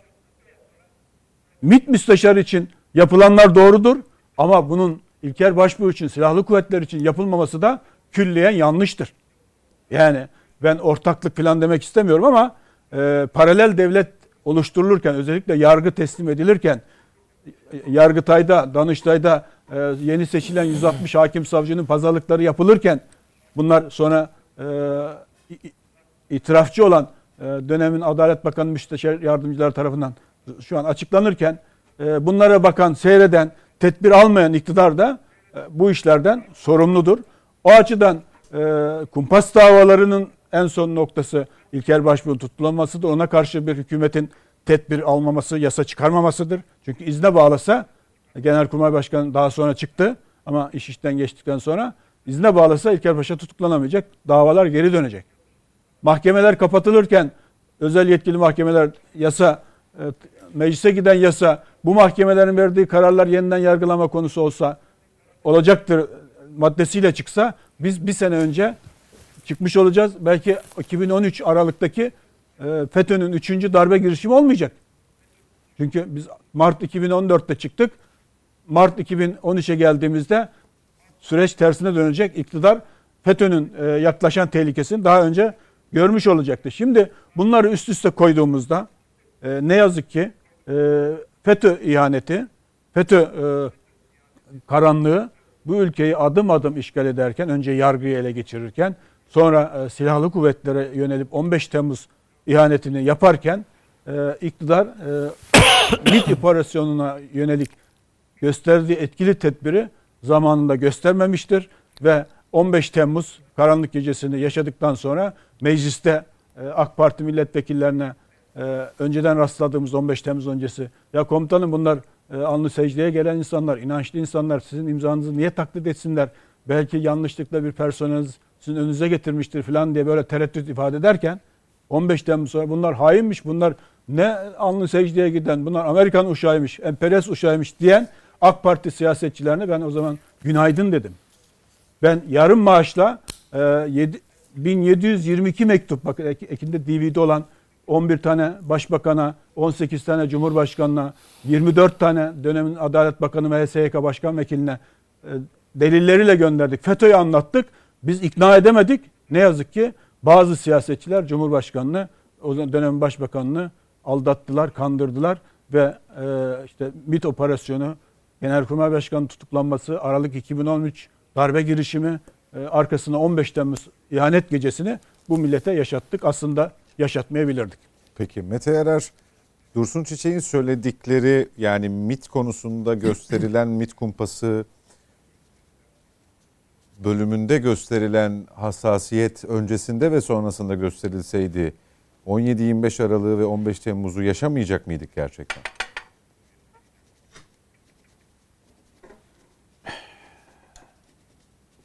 Valla şöyle söyleyeyim. şimdi bugünlerde sevgili kardeşim de e, Yalnız Kurt diye bir dizi e, çekiyor. Ve içerisinde aslında FETÖ'nün 40 yıllık Türkiye'de nasıl palazlandırıldığının hikayesi de var. Doğru mu? Dedim. Şimdi biz tabi FETÖ'yü doğru analiz edemediğimiz için şöyle bir e, teknik hata yapıyoruz. Türkiye'deki yaşananların yalnızca bir grup tarafından veya işte FETÖ tarafından organize edildiğini düşünüyoruz. Tek onlar tarafından organize edildiğini düşünüyoruz. Onunla beraber ortak ve paralel hareket eden dönem dönem kişiler, kurumlar, e, dış güçler, ben öyle söylüyorum, adını da koyalım Amerika Birleşik Devletleri dahil olmak üzere. Türkiye'deki bu yapıyı korumak için nasıl mücadele ettiğini atlıyoruz.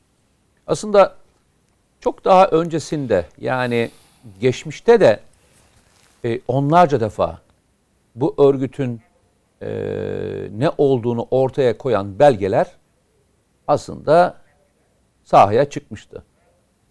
E, Sayın Komutanım e, Genelkurmay'da çalıştığı için yani bu bölümde de çalıştığı için birçok e, bilgiye daha derin e, vakıftır. Ben sıklıkla bu örneği veriyorum. Yani 1985'lerde, 84'lerde o e, FETÖ'nün sınav sorularının çaldığı tarihin ilk deşifrasyonun yapıldığı tarihlerdir. Yani bakın 2000'lerde çalmıyor.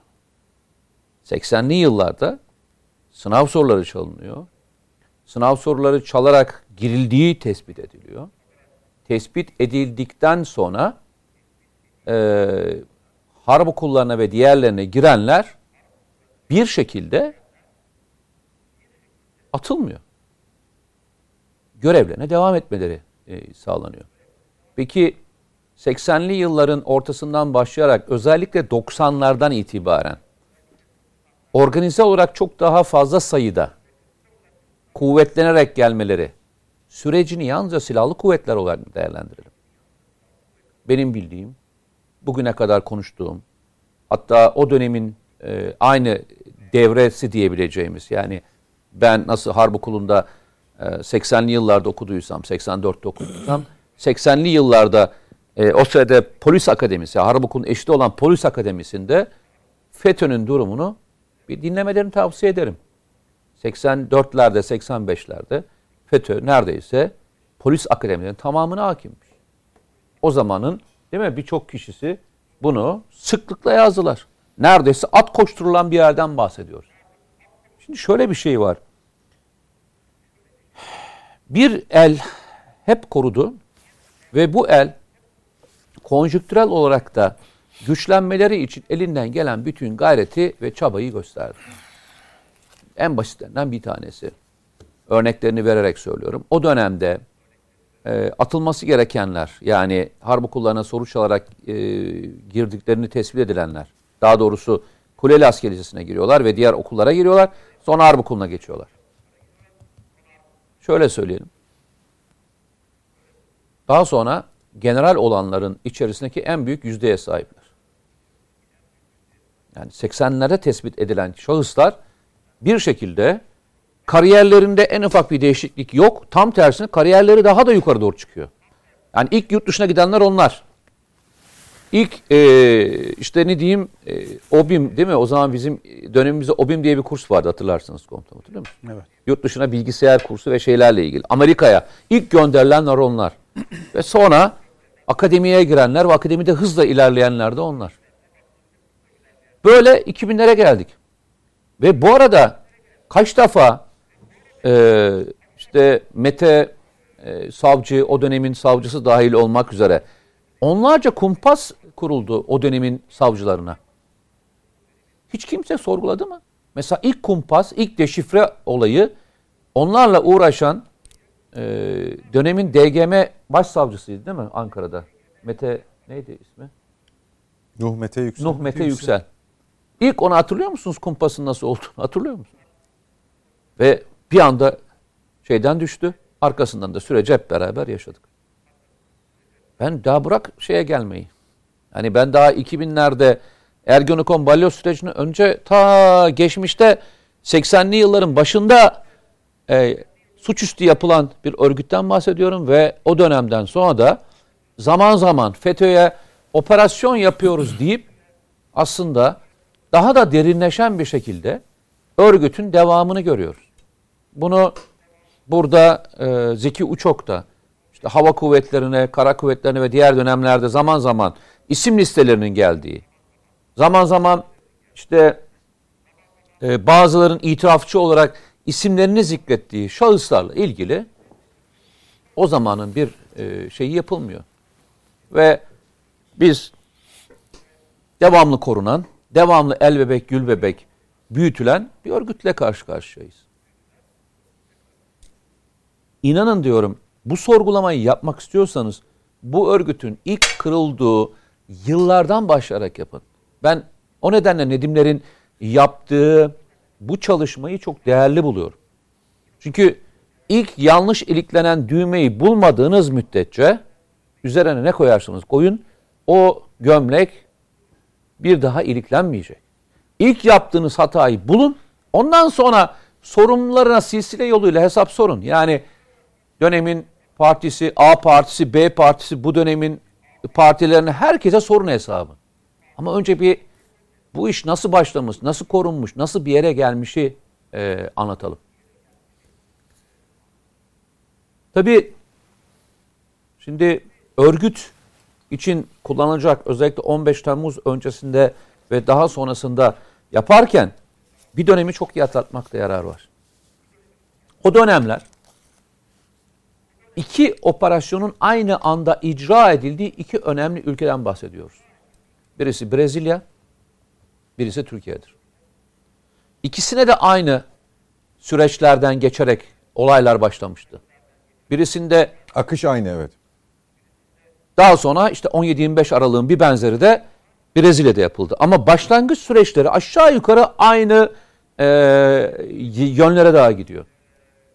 Uluslararası bir komplonun içerisinde bir parçasıyız biz yalnızca bakın. Biz bir parçasıyız.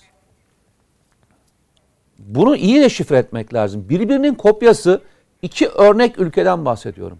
Konuşmalar aynı. Hatta İsrail politikaları aynı, Amerika politikaları aynı, çevre ülkeler dostluk anlamında ayrı, dünya beşten büyüktür politikalar aynı.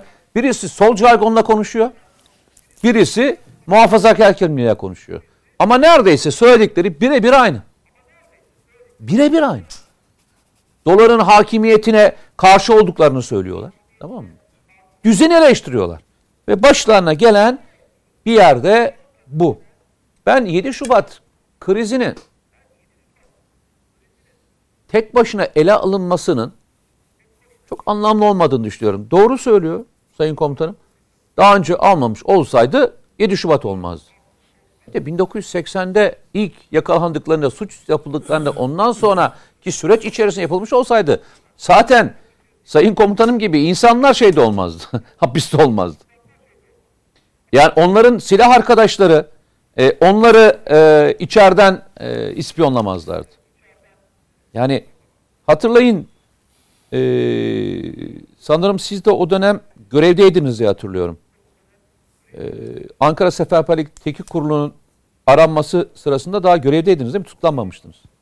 İlker Paşa görevdeydi çünkü. İlker, yo ben tutukluydum. Yani şey Kozmik Oda'ya girişini diyorsun. Evet tutuklu muydunuz? Tutukluydum evet. O dönemde Tabii ihbarlar falan da zaten e, insan kaynakları dediğimiz personeli ele geçirdikleri için bütün kişisel bilgiler hepsi ellerinde. Yani her yere de onlar tebrik ediliyor. Şöyle düşünün. Puanlar çok ilginçtir. onlarda, evet. Devre arkadaşım o sırada da kara kuvvetlerinde görevli.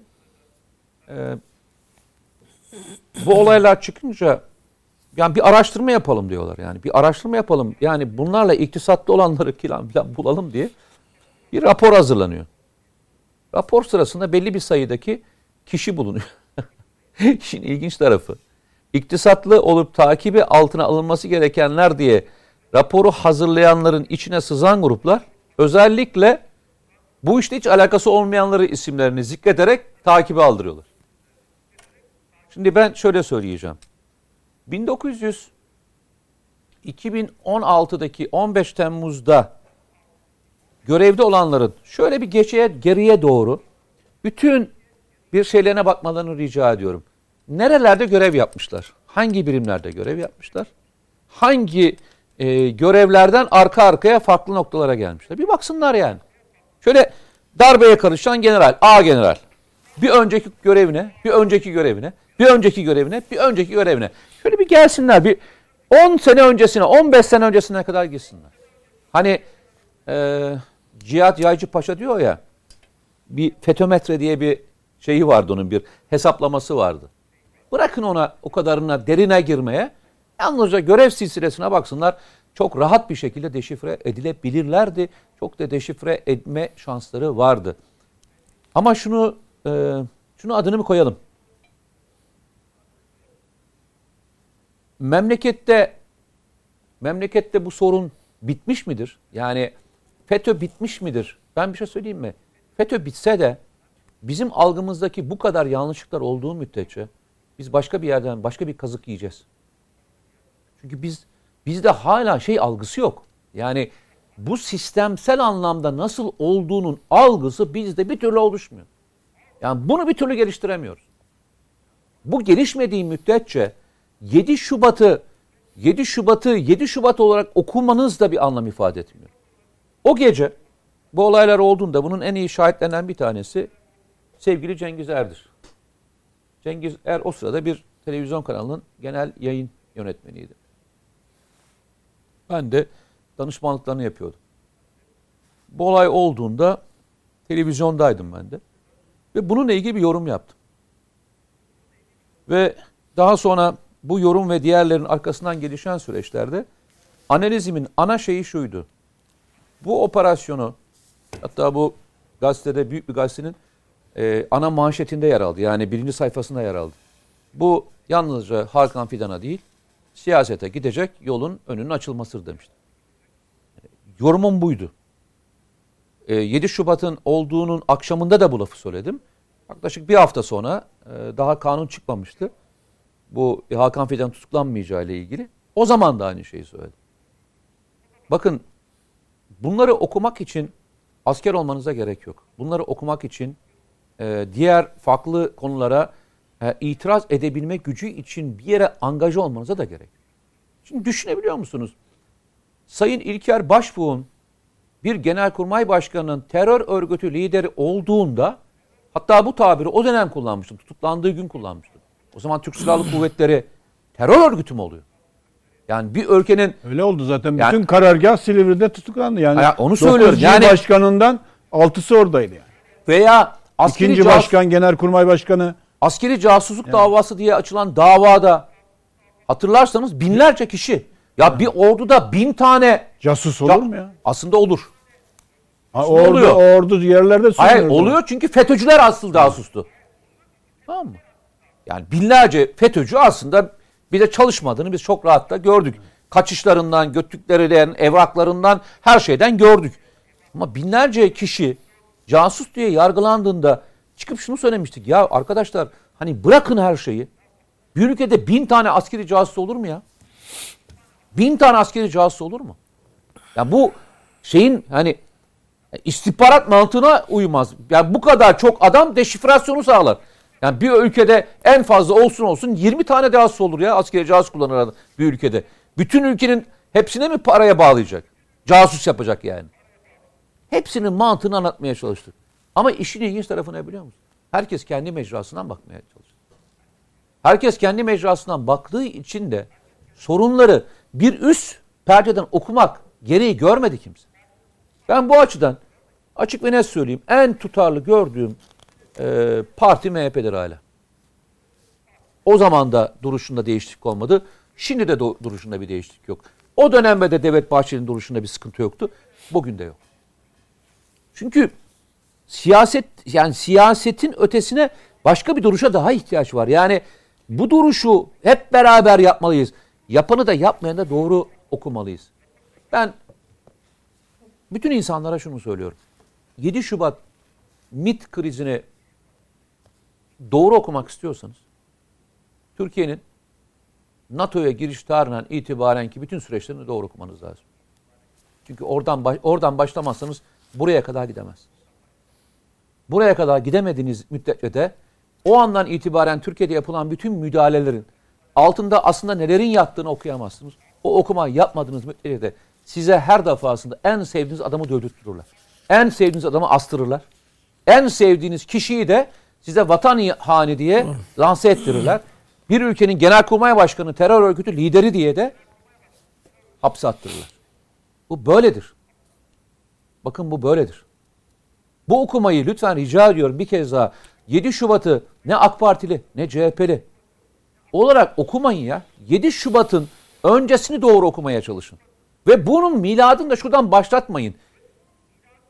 Ee, Cumhurbaşkanının işte yani veya AK Parti'nin kuruluş tarihinden başlatmayın. Başlatıyorsanız doğrusundan başlatın. Herkesin sorumluluğunu ona göre eşit dağıtılın. AK Parti'nin kendisiyle ilgili döneminin sorumlulukları vardır. Bir öncesinin kendisine ait sorumlulukları vardır. Bir öncesinin kendisine ait sorumlulukları vardır. 1950'ye kadar gideceğiz. Ama asıl palazlanma tarihi, bak bir kez daha söylüyorum. Asıl palazlanma tarihi darbe sonrasıdır. Darbe sonrasıdır. O gecenin darbecilerine baktığınızda, darbecilerine baktığınızda görürsünüz. Başka bir şey daha. O gece Sayın Cumhurbaşkanı aslında o zaman başbakan aslında narkoz altında olacaktı biliyorsun. Aslında ameliyata girecekti. Hepinizin malum. Ama ameliyat bir şekilde erteleniyor. Bir gün sonra mı oluyor? Gecikiyor, gecikiyor. Gecikiyor. Gecikince Olay oluyor. veriyorlar, haberi oluyor. Yani düşünebiliyor musun? Planlamanın içerisinde direkt almak var zaten. Ama başbakanın ayakta olmuş olması. Ben de diyorum ki keşke hepimiz ayakta olsaydık da İlker Başbuğ da tutuklanırken aynı tepkiyi görseydi, gösterseydik. Ya bir ülkenin genelkurmay başkanı kardeşim şey olur mu? Olabilir mi deseydik? Deseydik. Ama yalnızca başbakan ayakta olması gerekmiyor. Milletin de ayakta olması gerekiyor. Bir ülkenin silahlı kuvvetlerinin genelkurmay başkanı ki eleştirdiğiniz konular vardır yoktur ama İlker Başbuğ'un demokratlığı konusunda bir laf söyleyecek olan olsa adam başbakan kendisi söyler. Ne diyor demişti? Beraber en iyi çalıştığım, kendisinin demokrasisine inandığım, e, düzgün bir genelkurmay başkanı diyen zaten şey değil miydi? E, Sayın Başbakan değil miydi? Yanlış mı düşünüyorum? Şimdi böyle bir insanı bu kadar mı rahatlıkla e, bu gidişatın içinde e, hapise göndereceğiz? Bu kadar kolay mıydı? Yalnızca başbakan narkoz altında olması önemli değil. Bizim de aynı tepkiyi göstermemiz gerekiyordu. Kaç kişi konuştuk? Kaç kişi o dönemde bunlarla itira, ilgili itiraz yaptık? Veya şöyle söyleyeyim. Sayın komutanlar içerideyken hapis hayatı bölümünde ve tutuklanma ve işte Beşiktaş'taki olaylar sırasında kaç kişi onları destek için Beşiktaş'taki meydandaydı? Kendileri daha iyi biliyor. Peki. Nedim Şener sen ne- nereden başlatırsın? Mete'nin, Şimdi- Mete'nin son sorduğu soruya bir cevap vereyim. O hep dikkatini çeker. İlker Başbuğ şimdi bir kitap yazdığı zaman imza günleri düzenliyor. AVM'lerde veya kitap evlerinde. Kuyrukta en az 100 kişi, 150 kişi oluyor. Bir, bir saat, iki saatte sürüyor. İlker Başbuğ tutuklanırken 5 kişi yoktu adliyenin önünde. 5 kişi yoktu. Yani ben onu cezaevinden izledim tutuklanma e, olayını. Ben o anda cezaevindeydik. Hep ona baktım. Yani adliyenin önünde kim var? Dursun Çiçek. Tek başına gitti, tekrar üniformasıyla çıktı, selam verdi. Hiç unutmam onun arabadan selam verişini.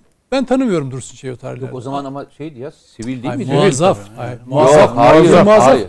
Bir muazzaf gittiniz. de muazzaf. Üniformalı, muazzaf üniformalı. Yok üniformalı biz Hayır selam verdiğiniz şey O- sivil. Ha, sivil. sivil Şey olarak, Ha. sivil olarak verdi. Ha, sivil. Sivil Çünkü o zaman emekliydi Yo, çünkü. arabanın Ve- içinde görev selamını değilim. hatırlıyorum. O taksiyle gittiğiniz dönem mi? Yok yok hayır değil değil. Minibüste- Bir araç. Ha, minibüs anlattığım ilk tamam. tutuklanmam odur yani. Ondan sonra sonra Ya yok, tekrar siz, siz görevdediniz. Tabii, Siz- tabii, ben, ben şeyi öbürünü- Bir buçuk sene Yok hastalığında sizin için görevde olduğunuzu biliyorum. Ben İlker Başbuğ'dan bahsediyorsunuz. Yok. O emekliydi evet. yine işte ne diyorum size? Bakın İlker Başbuğ bugün yere göğe koyamayıp imza günleri imza günleri kuyruğa giriyorlar değil mi? Ya hiçbirisi birisi yanına gidip de Ya komutanım o günlerde yanınızda olamadık kusura bakmayın ben onun için geldim özür dilerim falan diyen yok biliyor musunuz? Önüne kitabı koyuyor. imza. Böyle. Bu memleketi böyle seveceksiniz. Yani kavgaya girdiğiniz zaman kimse yanınızda olmayacak gibi düşüneceksiniz. Şehit gibi düşüneceksiniz kendinizi. O yüzden söylüyorum. Bu çok manevi bir şeydir. Şimdi Dursun Çiçek kendini gene kom- komuta kademesinin keşke neler yaptığını anlatabilse. Ama edepli adam anlatmaz. Mesela Şimdi hiç hiç e, şey yok. Yani silahlı kuvvetler bir bütün olarak davaların arkasındaydı. Devletin kestiği maaşlarımızı da tamamladılar. Hukuki destek de sağladılar. meslek Silahlı kuvvetler Hayır. tek başına kaldı. aynı, aynı kuvvetten Dolayısıyla silahlı kuvvetlerle Ali ilgili Tatar- hiçbir eleştiri Ali- kabul etme mümkün değil. Ali tabii canım et, etmeyin zaten. İçindeyiz çünkü. Tabii tabii etmeyin. Ee, ne olduğunu gördük biz çünkü. Hiç Ali Tatar- gördün? Ali Tatar oraya- intihar- orada Ali Tatar nerede intihar- gördün bizim Silivri'de Yok. kimler geldi? Hastalda kimler geldi? Otobüslerle ziyarete gelenler filan. Ee, Göremezsin bir, dışarıdan. Bir bir bir e, subaylarını içerideki hukukçular işte öbek öbek gönderip giderken seyreden komutanların halini daha sonra gördük kimler olduğunu falan filan. Ve sonra kimlerin yolunu açmışlar. Siyasi erk sorumlu. Siyasi erkin önüne bir takım dosyaları, atama dosyalarını götürenler de belli kimler olduğu. Ne dedikleri de belli. Hepsi yazıyor. O insanların hala kırgınlıkları var insanların. Ali Tatar intihar ettiğinde hangi komutanlar evine gidip ziyaret etmiş mesela? Etmiş mi? Ya da Ali Tatar aynı Dursun Bey gibi önce gözaltına alınıp tutuklanıp sonra tekrar bırakıldığında kim yanında durmuş? Niye o duyguya kapılmıştı Ali Tatar intihar etmiş? Hiç bunu düşünüyor mu insanlar? Ben düşünüyorum. Ben unutmuyorum mesela Ali Tatar'ı hiç.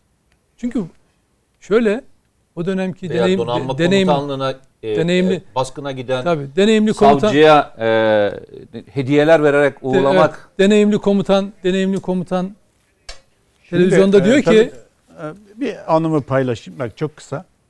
O dönemdeki e, devlet içindeki çelişkileri, devleti yönetimin içindeki çelişkileri.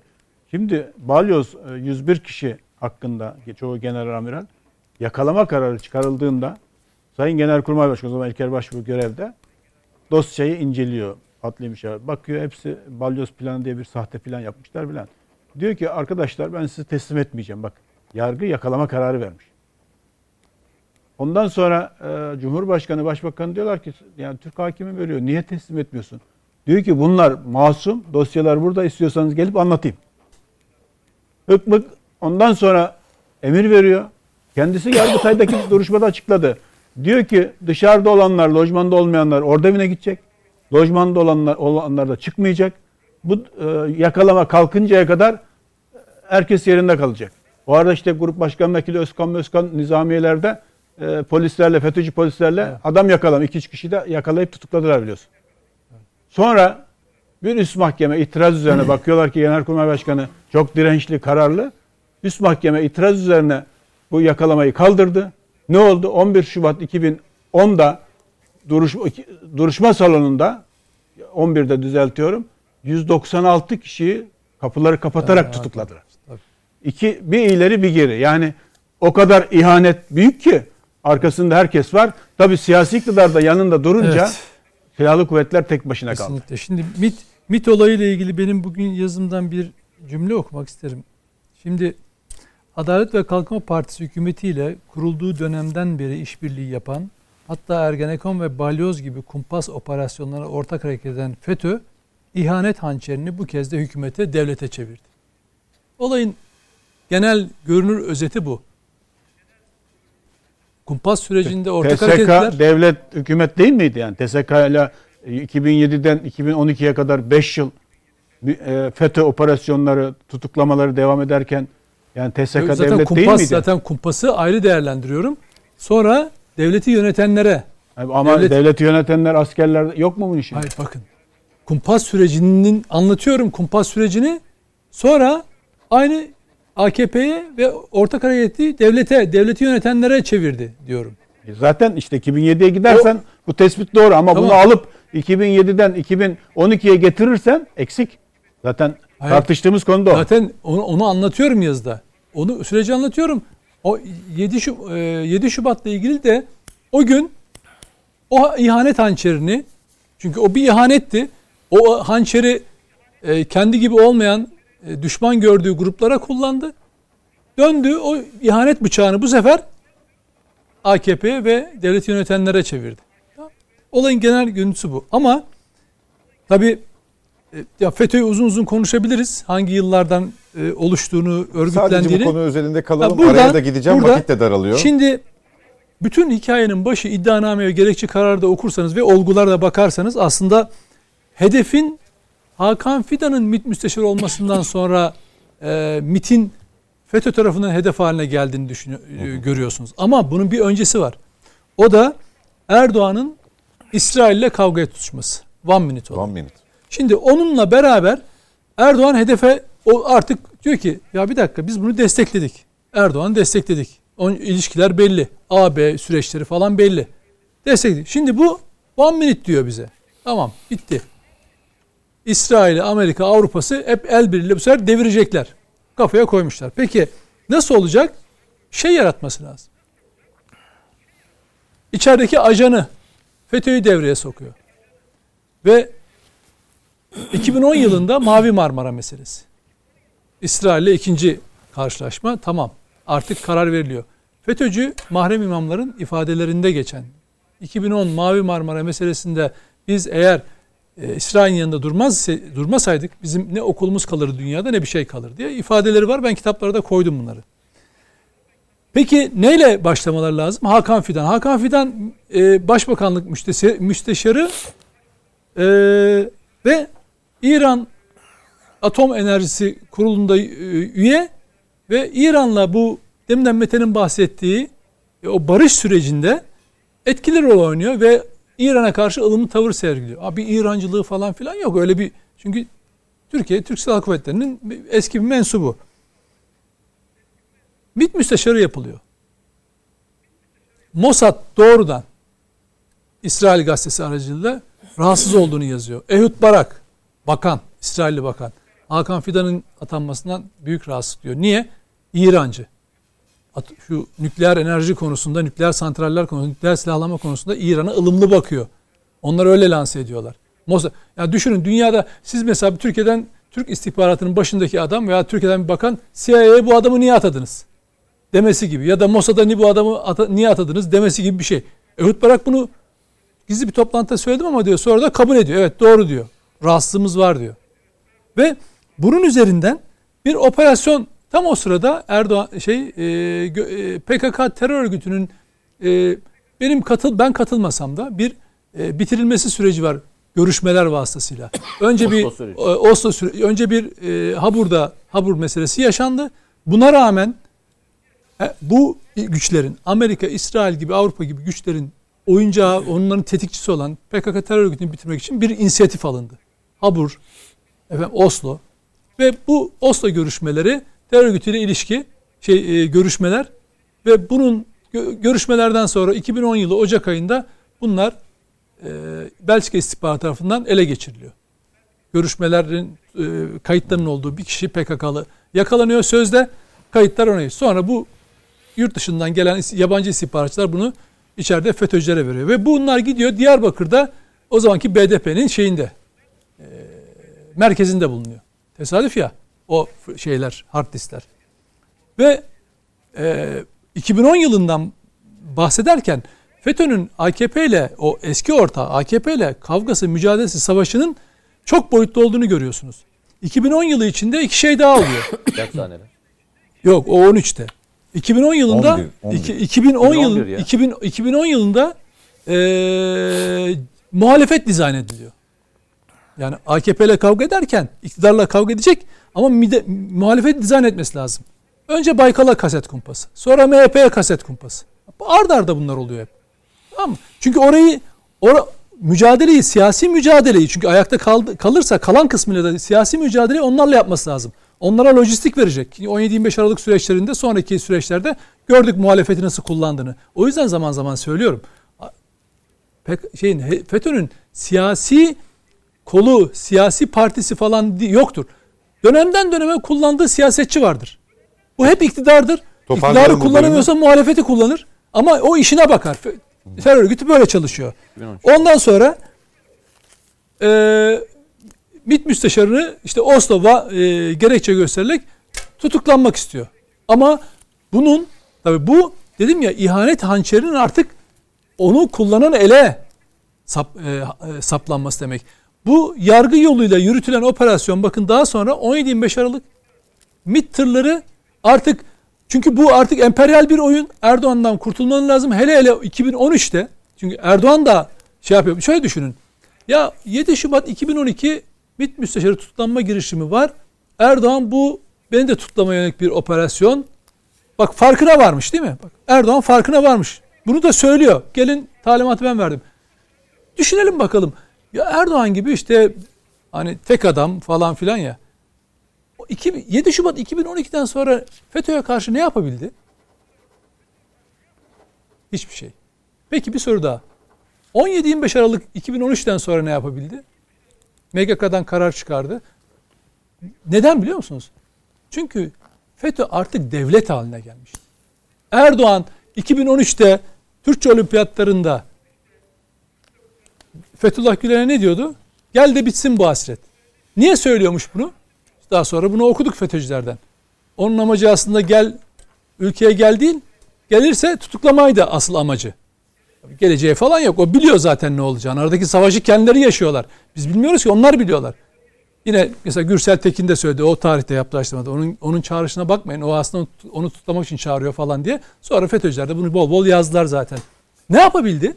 Mesela on, bak devlet, FETÖ'nün nasıl devleti ele geçirdiği bir örnek vereyim. Sadece sayısal rakamlar değil, nitelik olarak da söylüyorum. Yani mesela e, e, Türk Polis Teşkilatı'ndan yaklaşık 35-40 bin, 30-35 bin civarında kişi atıldı. E, 300 bin kişilik %10 gibi bir şeye tekabül ediyor. Ama siz kaçakçılığı, terörü, istihbaratı bunun gibi etkili kurumları ele geçirdiğiniz zaman oranın beynini ele geçirmiş olursunuz. Şimdi yargıda özel yetkili mahkemeleri, şey savcılıkları ele geçirdiğiniz zaman yargının beynini ele geçirmiş olursunuz ki bu 14 bin civarında hakim savcının 4500 tanesiydi. Peki bir soru daha sorayım. 17-25 bak şimdi Erdoğan çok hani Bu uzayacak. Evet. Yok, bitiyor bitiyor. Hayır, araya 17-25 gideyim, Aralık sonra sonrası bak, et. bak size FETÖ'nün ne noktasına geldiğini söyleyeceğim. 17-25 Aralık sonrası şey başladı dershanelerden sonra, dershane krizinden sonra. Ee, yargı operasyonları değil mi bunlar? Size bir soru. 17-25 Aralık'la 15 Temmuz'a kadar yani artık terör örgütü olduğu tanımlandı. Bir sabah bir baktık 3200 tane e, şey hakim savcı bir anda açığa alındı falan. 2000 civarında falan pardon. Peki 17-25 Aralık'la 15 Temmuz arasındaki süreçte o birkaç yıllık süreçte kaç kişi açığa alınmış olabilir veya görevden uzaklaşmış olabilir? Sadece 64. Bak 17-25 Aralık süreci yaşıyoruz. Güya kırmızı de, kırmızı kitaba girmiş FETÖ. Ama şey 3 yıl var arada. onu bırakın. Onu bırakın bak size daha vahimini söyleyeyim. Öyle bir komuta kademesi var ki öyle bir Türk Silahlı Kuvvetleri Komutası kademesi var ki öyle bir kom- komutanlar var ki 15 Temmuz 2016'da Erdoğan'ı öldürecek onu iktidardan düşürecek darbeci ekip ard arda yıllar itibariyle ataması yapılıyor. Terfi ettiriliyor ya. Ve bu çok ilginç değil mi? Öncesinde. Tabii canım. 2, 17, bak 17 25 Aralık 2013 da, e, Bey öyle bir konuya girdi ki ben FETÖ- bak, 2014'te FETÖ, Bak FETÖ bir saniye bir saniye bir saniye. Bir saniye. 17 Metin, bak, Metin bak, Bey kaldı orada. bir saniye bak. 2014. 17 25 2013'te FETÖ hukuken müca- şeye başlamış, kalkışma yapmış. Sen kırmızı kitaba koymuşsun ve Erdoğan her 30 Ağustos'ta imzalar atıyor. Kimin terfilerinin imzasını atıyor? Kendini iktidardan devirecek askerlerin imzasını atıyor. Nasıl oluyor bu? Nasıl oluyor bu? Ya anlatabiliyor muyum? Nasıl oluyor? Onu biraz sonra anlatacağız. Tamam bir araya Nasıl gidelim olduğu kısa çok bu ara. yani. Sonrasında yavaş yavaş da toparlayacağız efendim bizden ayrılmayınız.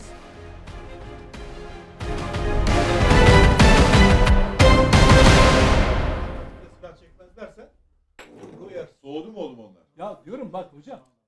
17-25 Aralık olmuş. Bak Dursun Bey. 17-25 Aralık öyle ideolojik bir yere yaslamayın. Bak başka bir şeyden bahsediyorum. İdeolojiyle ilgisi yok. Bak bak. 17-25 Aralık olmuş.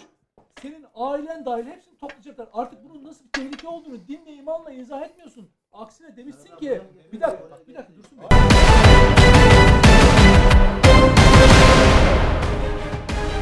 Devam ediyoruz efendim. Yavaş yavaş da programın sonuna geldik. Hızlandırılmış bir bölüm olacak. Onu hemen hatırlatayım. Dursun Bey'in aslında Nedim Bey'le ortak mağduriyetler yaşadılar. Birkaç zannediyorum itirazı var Nedim Şener'in söylediklerini. Onları bir dinleyelim önce. Şimdi tabii örnekler verdi e, Nedim Bey. Temmuz 2014. Ben Haziran 19 Haziran 2014'te tahliye oldum. Yani yaklaşık bir ay sonra. Dönemin başbakanın danışmanı aynı zamanda dinliyorsa e, isterse bağlanabilir. Keçiören'deki evin ev sahibi. Müteahhit kaynaklı bir siyasetçi. Beni aradı dedi ki komutanım sizinle görüşmek istiyorum. Cezaevi çıkışında FETÖ'pü diyoruz ama FETÖ ile mücadelede iktidar ne isterse emrindeyim, hazırım dedim. Bu ifadeyi almışlar. Yani cezaevi çıkışında Silivri. Geldi dedi ki biz ordudaki FETÖ'cülerin listesini istiyoruz. Tamam dedim kardeşim. Yani biz görevimiz bu. Bunlardan hesaplaşacağız biz. Yargıda da hesaplaşacağız. Yüksek Askeri Şura'da da hesaplaşacağız. Neyse e, işte Zeki Uçak Hava Kuvvetleri, diğer arkadaşlar Deniz Kuvvetleri, Sahil Güvenlik filan toparladık. Kayınvalidem de rahatsız Sivas'ta onun ziyaretine gittim. Hazırladık geldi Sivas'ta orada evinde benden listeler aldı. Bak Temmuz 2014. Darbe, hain darbe girişimi kaç oldu? İki yıl sonra. Bu listeler zaten Cumhurbaşkanı, Başbakan elindeydi. Hatta bir sınıf arkadaşımızın yakını, hemşerisi diyor ki şu e, kişi kor general, or general yapalım. Cumhurbaşkanının yanına gidiyor. Danışmanı, Cumhurbaşkanı danışmanı. Uçakta bizzat anlattı. İsmini de verebilirim. Diyor ki onu nereden biliyorsun o FETÖ'cü diyor. Yani Cumhurbaşkanı'nın elinde listeler var. Diyor ya Sayın Şener bunları Genelkurmay Başkanı terfi etti. Herkes biliyor. Listeler ellerinde var. Niye bunları e, bir an önce derdest edip yargıya teslim etmiyor veya emekletmiyorlar? Tek sebebi var. Biraz önce de söyledim.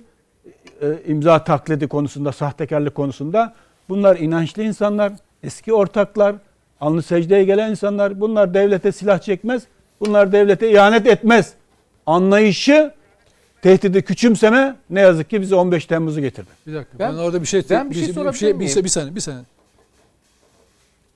Orada bir şerh koyuyorum, itiraz ediyorum. Zira 17-25-2013 operasyonları yapılmış hukuk eliyle Erdoğan ve ailesi fertleri tutuklanmak üzere fezlekeler dahi hazırlanmış öncesinde. Ne olduğunu biliyoruz. 2013 yılı içerisinde 2014 yılı gelince de e, Fethullahçı terör örgütü paralel devlet yapılanması olarak MGK kararı alındı ve kırmızı kitaba kırmızı. girdi. Bu da bu da bununla beraber Erdoğan'ın bir tanımlaması vardı. Üstü ihanet, ortası ticaret, tabanı e, ibadet şekli bir tanımlama yaptı.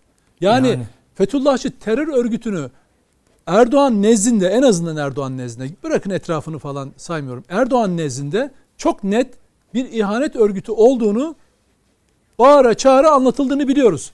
O dakikada ya bunların terfi ettirelim ya da at, atmayalım çünkü bunlar alnı secdeye giden elemanlar dediğini hiç düşünmüyorum. Ya düşünebilir misiniz? Hem diyorsunuz ki paralel devlet yapılanması, ihanet şudur. Zaten size operasyon yapmışlar. Yani siz hiç istemeseniz de onun gücünden bile kaygılansanız bile devlet içinde gücünden zaten size saldırıyorlar. Sizin kendinizi savunmak ve onlarla aynı eşit mücadeleye girmekten başka kaçarınız yok. Yani ya öleceksiniz ya öldüreceksiniz. Başka hiçbir kaçarınız yok. Ama buna rağmen siz bu mücadeleye diyorsunuz ki e, Dursun Bey'in anlatımına göre yok bunlar alnı secdeye gidenler biz bunları atmayalım. Peki niye Demiş tedbir almıyorsunuz? Şey? Buyurun siz cevabı verin. Ben bir şey iki sene, ya. iki sene süresinde şimdi ha, yine, onu diyor. şöyle. Yine bir siz gerçek bir daha. Verirsiniz, bununla beraber şunun da cevabını verin. Tabii ben vereceğim. 2010 MİT müsteşarı. Tabii. Zaten kayıtlarda belli. İlker Başbuğ diyor ki istihbarat başkanına İsmail Hakkı Paşa'ya ya o silahlı kuvvetlere sızmalar arttı ya yani MİT'in bize destek vermesi lazım, liste vermesi lazım. Bizim de işte Hı. yüksek askeri şura diğer e, si, e, e, sicil e, disiplin yöntemleri bunları tasvip etmemiz lazım. Git diyor bilgi al. Gidiyor. Bakın sözcüde mülakatta hiçbir düzeltme de olmadı. Emre Taner'e diyor ki MİT Müsteşarı dönemin işte Genelkurmay Başkanı bilgi istiyor diyor. Anayasal olarak sizin göreviniz. Bize bilgi verin diyor. Sayın komutanım diyor. Ya bu yaşlı hoca adam Türkçe öğretiyor. Bilmem dünyaya Türkiye'yi tanıtıyor. Gelin sizi tanıştırayım diyor. Siz de seveceksiniz diyor.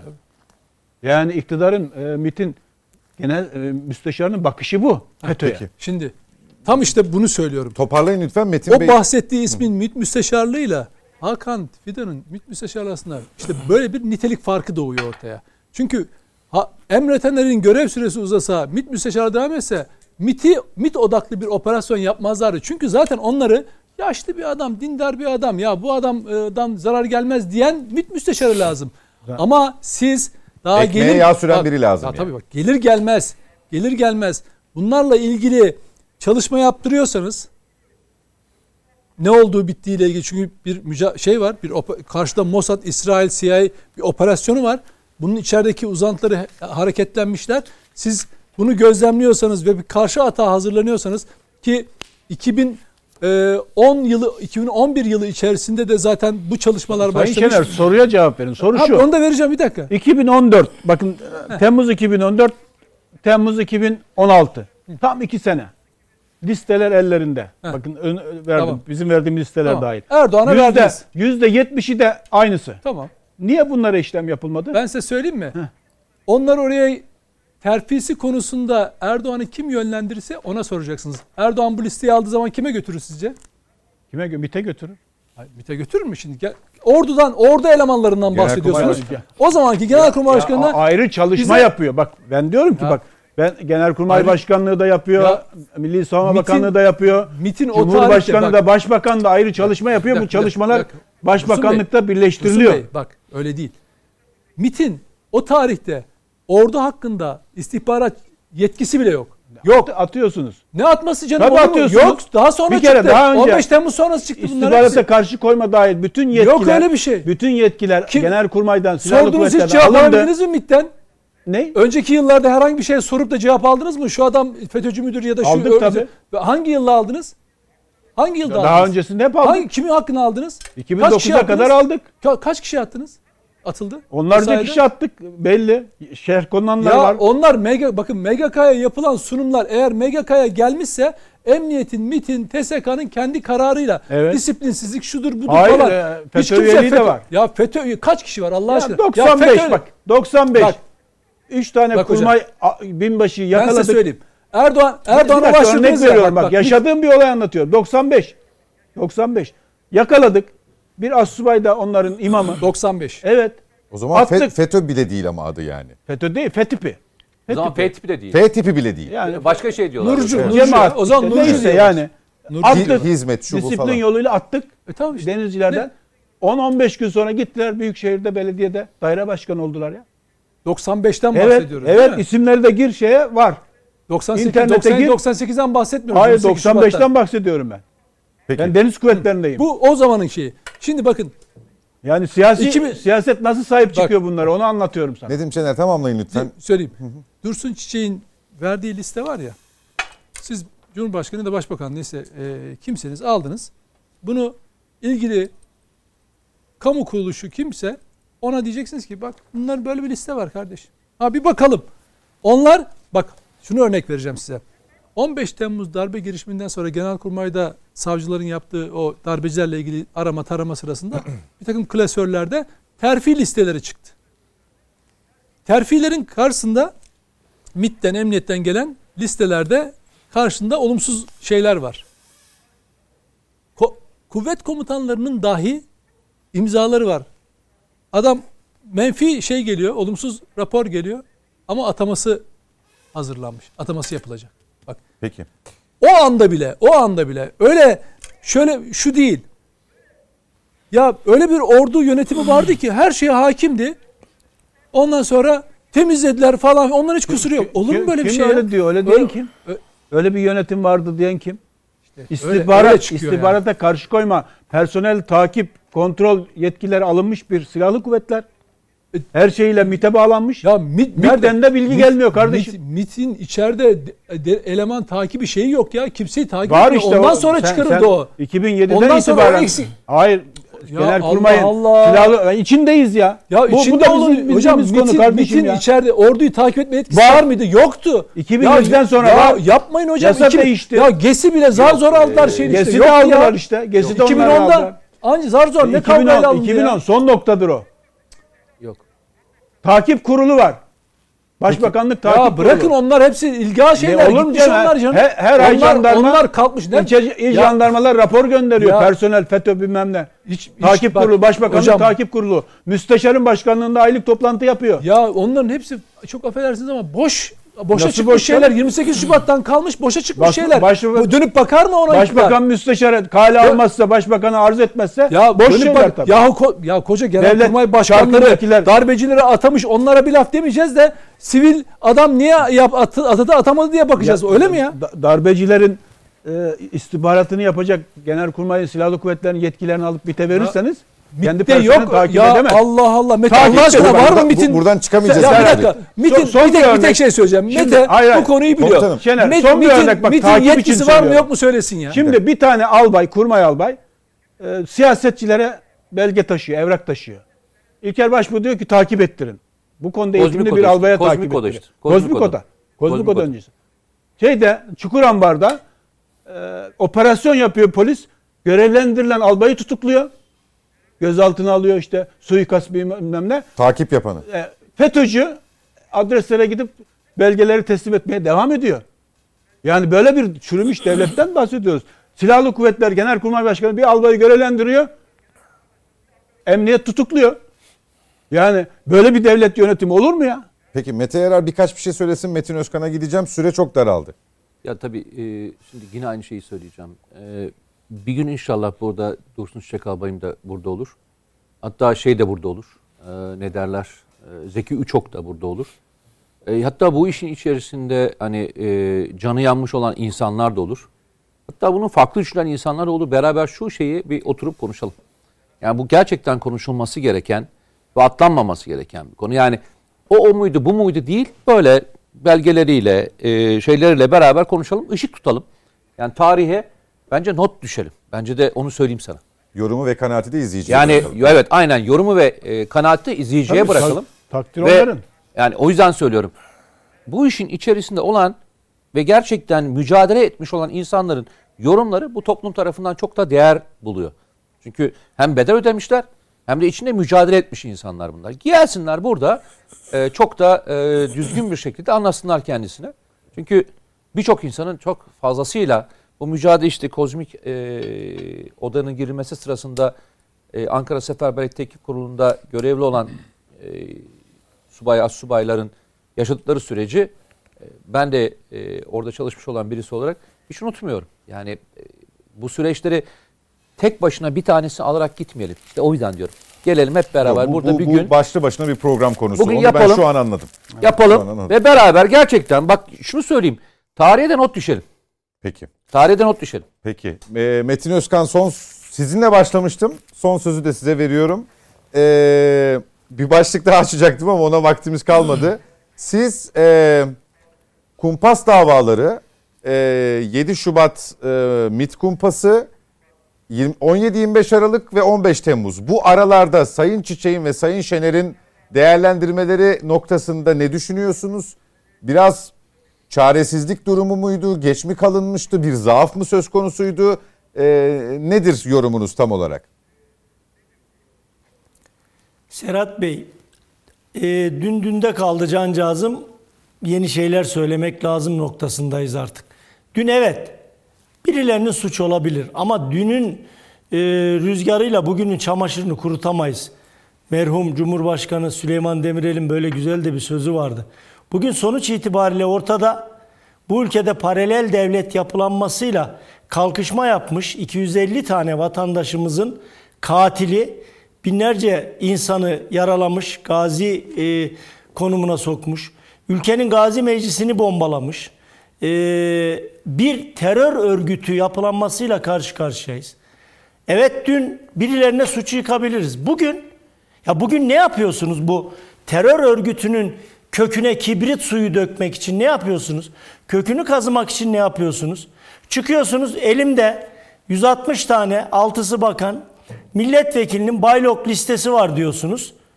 E sonra hadi açıkla bunları dediğinizde aradan 3 yıl geçmiş tık yok. Şimdi birilerini suçlayarak sonuç alamayız. Bugün eğer bir terörle ve terör örgütüyle mücadele edeceksek sonuca bakmak ve hep birlikte güç birliği yapmak zorundayız. Yani siz e, birilerinin üzerine ithamda bulunup e, çaycıyı, çorbacıyı suçlayarak siyasi ayağını ortaya çıkarmadan bu işlerin temizliğini yapamazsınız. O sebepten dolayı FETÖ'yle hiç alakamız yok diyenlerin danışmanları, baş danışmanları, şu an yurt dışında faaliyet gösteren milletvekilleri var bazı siyasi partilerin. O yüzden faturayı bir yere kesmeyelim. Bu katiller, bu teröristler Türkiye'ye, Türk milletine bir fatura kesmeye kalktılar. Şimdi hesap görme zamanıysa e hep beraber oturalım. Bu terör örgütünün hesabını bir görelim. Bugün bakıyoruz FETÖ ile PKK iç içe girmiş, yan yana. Yani Doğu ve Güneydoğu'da Türk askerinin garnizonuna, Türk Silahlı Kuvvetleri'nin garnizonuna, bayrak direğine tırmanan bir terörist Türk bayrağını indirirken o günü FETÖ'cü albay demiş ki arkanı dön. Süreç başka bir süreç demiş. Şimdi PKK ile FETÖ'nün, FETÖ ile DHKPC'nin, DHKPC ile DAEŞ'in hepsinin birbirine girdiği ve Türk milletine kurşun sıktığı bir dönemde eğer milletin önüne siper olacaksak siyasi partiler, gazeteciler ki en önde eminim yani bundan Mete Yarar'ında, Dursun Çiçek'inde, Nedim Şener'inde, Metin Özkan'ın da, Serhat Bey'in de o Türk milletine sıkılan kurşuna göğsünü gereceğini biliyoruz. 15 Temmuz'da ayırmadık kim sokaktaydı, hangi partili vardı, hangi partili yoktu. O gün ülkemiz, milletimiz ve devletimiz tehlikedeydi. Hep birlikte buna direndik. Bugün de siyasetçiler olarak geçmişi, onu, bunu, senin orada daha fazla... Şimdi yani senin FETÖ'cün kötü, benim FETÖ'cüm iyi noktasına gelmememiz lazım. Evet. O yüzden FETÖ kötüyse hep birlikte FETÖ'nün kafasına balyozu indirmemiz lazım. Balyozdan da mesajı almıştır herhalde almak isteyenler. Dün balyoz diye Türk Silahlı Kuvvetleri'ne darbe yapanlar bugün o balyozu kaldırıp FETÖ'nün kafasına vuramıyorsak yuh bize ayıp bize. Peki. Yalnız Çok- biten bir şey yok. İşin kötü tarafı o. Yani yok, yazıyor pardon? devamlı. Nedim yazıyor. Hani biten bir süreç yok. Hani eskiyle hesaplaşmak değil daha biz bugünle hesaplaşamıyoruz. Hala e, Aynen işte öyle. ardışık sistemle ordu içinde daha hala takibi süren 10 bine yakın insan var. Yargının içerisinde yaklaşık bine yakın Ya insan hocam, var. Ya örnek- siz yani Bak, geçmişle bir- hesaplaşmak bir örnek değil daha biz devam ediyor. Bunu, bunu en iyi en iyi de kurmay olan Dursun Çek anlayacaktır. Daha 2020'nin 2020'nin Yüksek Askeri Şurası'nda daha sonra kendisinin FETÖ'cü olduğunu ve hatta rütbelerini Fethullah Gülen'in taktığını itiraf eden bir kişiyi general yapıp Kara Kuvvetleri Komutanlığı İstihbarat Başkanlığı'na getirmişseniz ve bu komuta heyetinin ve bu bakanlıkla bunu yapmışsanız hiçbir şey aramayın hocam. Bak Peki. bu ne demek biliyor musun? Bak Kara Kuvvetleri Komutanı İstihbarat Başkanı ne demek biliyor musun? Türkiye'nin yaptığı bütün operasyonları sadece kendi kuvvetiyle ilgili değil. Her türlü bilgiye sahip adam demek. Şimdi Bu senin zaferin demek, eski- eski mağlubiyetin devlet- demek. eski- Şimdi silahlı Pardon? kuvvetlerin istihbarat Pardon, imkanı yasal olarak sıfır. pardon. Jandarmayı da aldınız. Ne? Kim aldı? Silahlı Ben mi? Aldınız derken. Kafa iyice hayır, şey oldu yani. Dağıldı için söylüyorum. Pardon pardon. İktidar Ne? için söylüyorum. Silahlı kuvvetlerin istihbarat gücü yok. Bir dakika. Bu gerçeğin altını Ben şunu söyleyeyim. Yeni bir tartışma Bir dakika, çıkıyor. bir dakika. Bitirmek Yani zorundayım. Kara Kuvvetleri Komutanlığı, İstihbarat Başkanı, devletin en kritik toplantılarına girip de bilgi top bil, bilemeyecek. almaya gidiyor, Yani evet. Onu bir sokmuyorlar mı toplantılara? Hayır. Hiçbir yere da sokmuyorlar. bilgi almaya gidiyor. E tamam. Pasif, Tamam. Yok, pasif. kendi yo, yo, bak diyorum, ki Kimden Devletin- alıyor bu bilgiyi? ya bakın devlet bir güvenlik Emniyetten toplantı alıyor, MIT'ten alıyor, jandarmadan alıyor. Daha ne? Ne yapacak bu bilgileri? Onlar verirse bilgi kara kuvvetlere Üstad güvenlik toplantısına katılıyor mu bu kişi? katılıyor. Daha ne? Peki. Savaş planları ile ilgili bir toplantı o zaman katılıyor mu? Bak- Harekat planlarına katılıyor mu? Şimdi vaktimiz yok ama bakın. Lütfen Dursun Bey valla ben Peki. Şimdi sizin yerinize listeler- albay olmalıymışım. Kusura bakmayın yani. listeleri veren Milli İstihbarat Teşkilatı. Ya bu, ya bu değil. Metin Özkan, ben size güvenlikle çok ilgili, teşekkür ediyorum ulusal geldiğiniz güvenlikle için. ilgili ce- şeyden bahsediyorum ya. Evet. Vallahi O ben da aynı şey. yok tartışılacak Metin Özkan artık. çok teşekkürler. Ee, katıldığınız için çok sağ olun. çok güzel Ben oldu. teşekkür ediyorum. Nedim Şener, Mete Yarar sağ olun. Sayın Çiçek çok teşekkür ediyorum geldiğiniz için. Ee, önümüzdeki hafta yeni programla yeniden karşınızda olmayı umuyoruz efendim. Hoşçakalın.